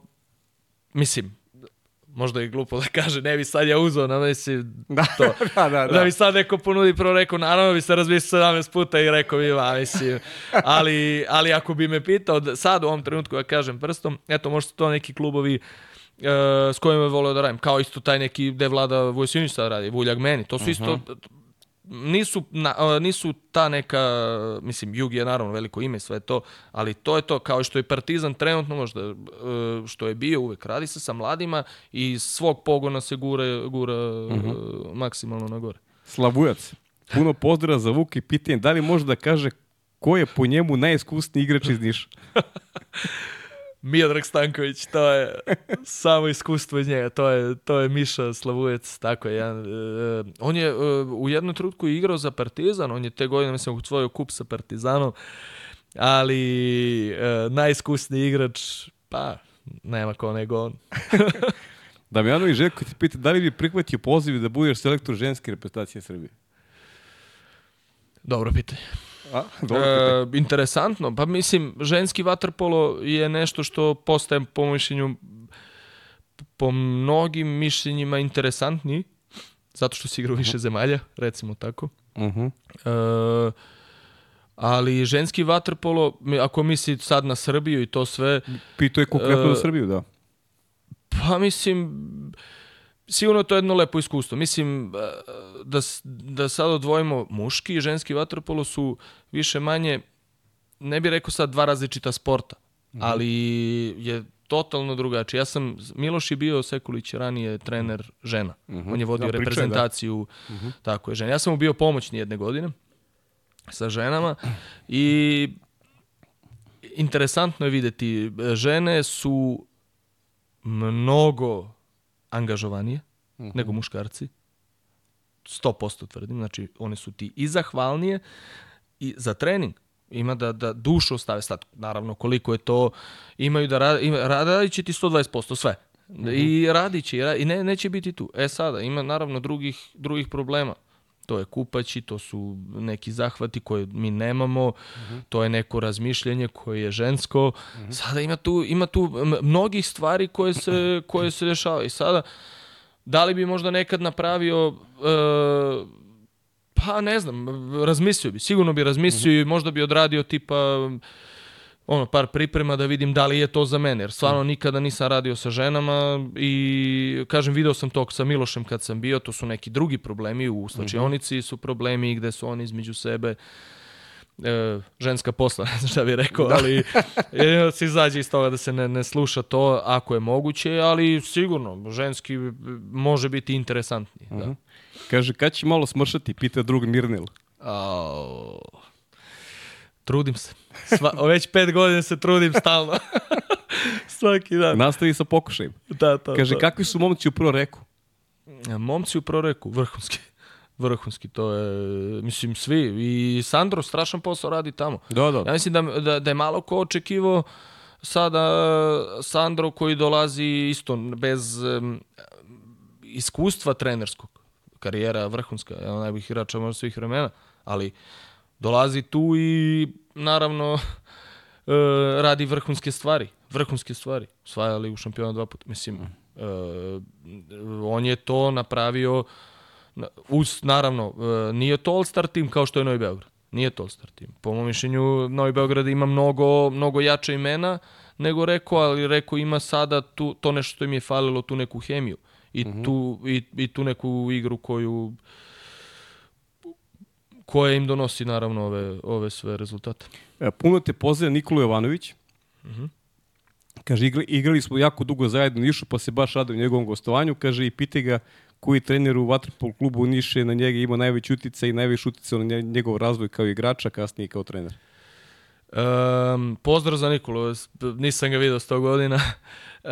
Um, pa sigurno to su dvojica trenera. Uh, Pera Kovačević je neko ko je mene te neke prve korake naučio i iza toga naravno Nebojša Obradović koji uh, je tada u to vreme postavljen bio za regionalnog trenera i bila ideja da se ceo region digne ili Južna Srbija.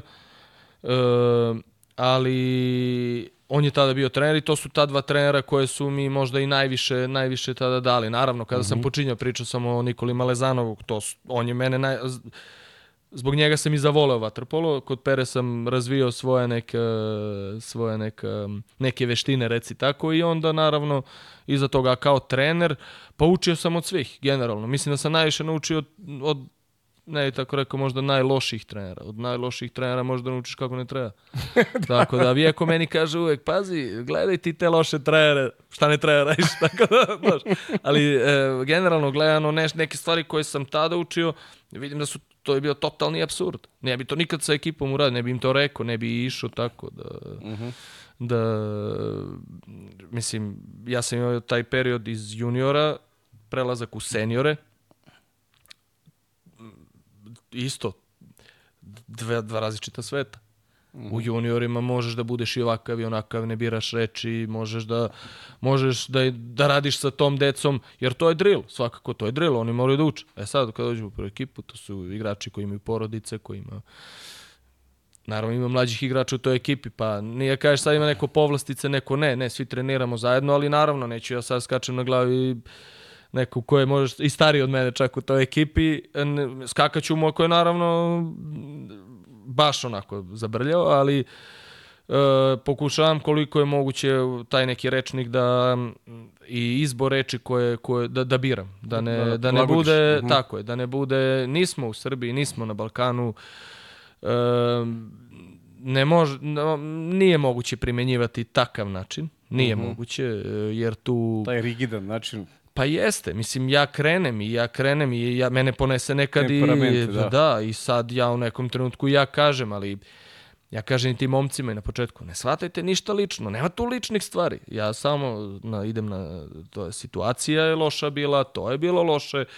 Ja sad, mene nervira situacija i kako si ti u toj situaciji. Ne da si ti glup, nisi glup, ali jednostavno u toj situaciji nisi odradio dobro. Mislim, nisi glup, to je ne, mm po mojom mišljenju jako velika uvreda, d- glup si, nisi Da, da, glup, da. ili tako te neke stvari, Jeste, tako da to su, to su stvari koje, šta znam, koje, e, na, ko- na koje pazim i pokušavam da jednostavno e, izbalansiram koliko je god moguće, koliko je god moguće. Da. Vuče, ili ima nešto da, da te nisam pitao, a pre nego što pređemo na porodicu za kraj, a, da bi ti volao da kažeš ovako pre kraja emisije ili ćemo da ostavimo to što te nisam pitao za, za sledeće gostovanje? Pa eto, možda će se desiti do tada nešto drugo, ali... Jer, mislim, gostovanje će se desiti sigurno, a sad ovaj, Da. samo zavisi kada će da bude. Pa eto, lepo smo se ispričali, to bi Da, ti rekao. možda kad, sada možda, je- možda kad dođeš u Srbiju, možda kad dođeš To, u to. Srbiju da radiš kao trener. Ajde. Pa pazi, iskreno, Pa sad si, E, znaš, ti si u profi svetu sada, to nikad se ne zna ovaj. Pa, i, znaš šta, mislim, da li je meni neki cilj ili nešto možda da se vratim, pazi, i moji supruzi i meni i, i stalno, evo sad je bila preko leta, dolazi kući, hoću da se vratim za Srbiju, ne mogu više ovde, neću. Ajde, kaže, a? Ma kako ne, mislim, um, gore imamo miran život, sve je to lepo, Mhm. jako lepo, miran život, uh, sami smo za sebe, ali u nekom trenutku ti fali, fali ti porodica, mislim porodica, mi smo ne na primarno, nego sada njena majka, roditelji uopšte, sad treba da, da nemamo s kime popijemo kafu na kraju kraja, uvek mora neki termin se zakaže. Znaš, sad zovem druga, e, ajmo kafu, e, izvini, kajmo u sredu u šest. Mhm. Mislim, ja evo sad ovde odem, završi se utakmica, odem u, u kafanu preko puta, kafić, ja tamo, minimum pet ljudi sedi koje znam, pa sad ja ću sedem za ovaj stoj, za ovaj stoj. Mislim, to je nešto što meni, što meni fali, sigurno. Mislim, ne meni, Taj so- nama, socijalni generalno, život, tako da. je. Onda, onda uh, naša čerkica, drugo dete kad se vrati, ode u park, tu, su- tu se deca igraju, to, naravno, ona sad već odrasta uz dva jezika. Ona već sad odrasta uz dva jezika i, i to je jako lepo s jedne strane. Ona u vrtiću priča samo nemački, naravno kući samo srpski. E, da bi dobro naučila i jedan i drugi jezik. Ali kad se vrati iz Srbije, ona, ona je fascinirana decom, kako su deca otvorena, kako pričaju, em, svim tim nekim stvarima. I onda dođe i naravno moja supruga, daj da, daj da se vratimo, daj da se vratimo. Kažem, stani, polako, čekaj, možda sad nije trenutno vreme, uh, gde ćemo sad, ajde, mislim, i ona, ona sad isto radi, radimo i ona i ja. Ili ona Gde- radi sad, ili, ili u Nemačkoj U radi Nemačkoj, sad? u Nemačkoj radi isto za jednu nemačku kompaniju i, i mislim, nije ni njoj problem, ona bi, ona radi od kuće, mislim, u home office je sve vreme, ali opet, e, i onda sad prođe neko vreme i sad ipak možda i bolje gore, znaš, mislim, e, to se menja stalno, sad je leto, sad je lepša, znaš, kada dođe zima. Kada dođe zima, pa Teško Da, da. vreme. Dođe jedno teško vreme, neki decembar. Decembar je još lep zato što ima tih, em, to se zove Weihnachtsmarkt, to ti je kao božićna pijaca neka, gde ima i muzike i e, druženja i to je jako fino. Ne, onda dođe neki januar, februar, neke kiše, nek, nije, ni, nije ni hladno, nego kiša, pa dođe neki vetar, pa je grozno vreme, jako grozno i onda depresija, naravno. I bude teško. Tako da eto, s vremena na vreme uvek ono sad neka pomisao da se sklonim u neke, neke Toplije- toplije, toplije krajeve. Da, da, da, da, da. Ali, znaš šta, u Nemačkoj tu uvek drži ta neka sigurnost. Znaš, nema Mhm. ti kasni plata, nema da ti e, ne mogu da te otpuste, ono što smo pričali. Pa Neće da padneš odmah, ima da, padaš. Dugo će da padaš. E, da, Pa tako da, da... to je sad taj, naš porodica, ovaj, imaš ovde pitanja, Aleksandra se uvek dobro spremni, Milošević, mm. pozdravlja ovom prilikom, pa Hvala. šta ti znači Sunčev breg i hoće, Maša, hoće Maša da ovaj, igra tenis ili nemam pojma. Sve su ona raspitala već, ovaj, čime će se bavi. Si, Sunčev si rekao breg. negde, da, Sunčev breg, znaš ti Sunčev šta ti breg, znači tako je, breg. tu sam, u Sunčevom bregu sam e, upoznao svoju suprugu. Da. To je bila neka ekonomijada gde smo, ja nisam nikad studirao ekonomiju, naravno, ali moj dru- najbolji drug, moj najbolji drug je na ekonomiji i u tom trenutku, e, slušaj, šta radiš, ne znam kako ti je sezona, imaš obaveze, sve to, kao, ajde idemo, kao, Sunčev breg, znaš, ima nekako, rekao, ajde. Mi seli tamo, otišli, I u tom trenutku, možda mojih pet najluđih dana, naravno svega je tu bilo i sve to, sve je to jako lepo bilo, gde u nekom trenutku ja i tada sam i snimio e, svoju, svoju tada e, curu, sada ženu naravno. E, I tu kreće cela priča, mi nismo bili tu u dobrim odnosima, mi smo se mrzeli na toj ekonomijadi, gde smo mi godinu i po, ja mislim, ili dve kasnije, te krenuli da se dopisujemo. Ona je radila tada kao, kao stewardesa, Stewardesa, aha. tako je u Katru i onda sad kreće cela naša priča. Ja trener, ali ja sam imao vrhunski posao. Vrhunski posao nemačko, ne sam ni glasno kažem, mislim, naravno sad, ali ja sam tada imao stvarno uh, jako malo obaveze. Ja sam imao samo sredom trening. Ostalo sam imao da nadgledam sad neke utakmice, turnire, da, da budem u komunikaciji, ali trening po sebi jedan. Mhm. I sada ona, ne znam, sleti u Pariz, ja se auto odem za Pariz, je Pariz 4,5 sata. Tipa. Mhm. Onda, šta znam, Berlin, Minhen, Beč, Filipini, Tajland i sad kreće to po celom svetu, ne znam, Seychelles i sad mi sve obiđemo, uz to naravno ona kao stewardesa, ti imaš sad tamo jednu listu gde možeš da, da, da to ono ubaci na tu listu i imaš sad, plaćaš neke džave karte. Mislim, ja sad ti kažem, platio sam tada Zagreb, Seychelles, Seychelles, Brisel, sam platio možda 250 evra kartu, povratno. Vlado, Za pakuj si- se, pakuj se, Vlado, idemo. Idemo. za Sydney 350, znaš, Da. da. ideš za Australiju 350 euro, pa pazi, mislim, e, i mi smo sve to koristili. Mi čekamo da iz njen, njen roster izađe, kad izađe roster, mi odmah bukiramo, tu ćemo, gde ćemo, šta ćemo, ja, hotel i to sve i, uve, i tako smo i krenuli se viđemo. Tako smo se i upoznali generalno, jer ja sam video njen roster u jednom trenutku i piše tamo Berlin, a mi se dopisujemo u to doba i ja joj kažem, slušaj, ja ću da dođem za Berlin, a Berlin Duisburg 600 km skoro, 560. I ja rekao, ajde, sreda veče, tad sam još vodio klub, tad sredom nisam imao trening. I sednem ja u auto i odem tu sredu, decembar mesec, ja sednem u auto i odem za Berlin. Samo se vidim s njom, popijemo piće. Mhm. I od tada od tada krenemo da se, Od tada da se zabavlja. i došla da, Maša Da. i- I tako je, Maša, Maša je u Hanoveru Maša je, strašno dete. E, sportski tip skroz i zato je i pitanje za tenis. Mi se zezamo, ja kažem, naravno, pa nisam ja sad ovde da ja ceo život budem na bazenu. Mislim, ja bih volao naravno samo kapica, da Wimbledon da gledam, a jedem jagode. ne, mislim, to, pa to je uživanje onda. Će Maša igra tenis, hoće. I stvarno, u, Nema, u Nemačkoj im, uh, jako je popularan i tenis i popularan je taj hokej. I u jednom klubu ima i hokej i tenis. I sad tu postoji neka kao balšule se zove. I u toj balšule mi guramo sad Mašu da ide tamo da razvija sad te neke, neku motoriku, da se igra s drugom decom i to sve. I onda tu jako fino, to su deca od po dve, tri godine, četiri, gde se igraju sa, sa lopticama, imaju stalno neki program, svake subote se okupljaju. Jako lepo i onda je tu guramo da, pa da vidimo, hoće, hoće. Mislim, ne, na kraju kraja naravno, guraću i u sport sigurno, koji god sport, samo nek, neko stane. Ja mislim da je sport jako zbog socijalnog života vrhunski, naravno. zbog zbog fiz, svih tvojih fizičkih predispozicija i to svega i, i uopšteno tela da, za razvoj, da. aktivnosti, e, nema, mislim, treba, ko, koji god onda sport bilo. Tako da nek ide, nek, nek radi to što voli i eto, vidjet ćemo, nadamo se možda još dvo, jedno, dvoje u budućnosti. Ajde, držim vam fige, pozdrav i za Kristinu i za Mašu. Ovaj, I hvala tebi, Uče. Stvarno je bilo Hvala tebi isto. zadovoljstvo, lepo se ispričali smo ti i ja i ovaj, držim fige ove godine. Navijam za Duisburg da, da bude, Hvala ti. ovaj, Daćemo bude sve od kako sebe. treba. Da, na vezi smo, čujemo se. Ništa, ako uđemo u finale, evo, zovem te, gosti Ajde. mi.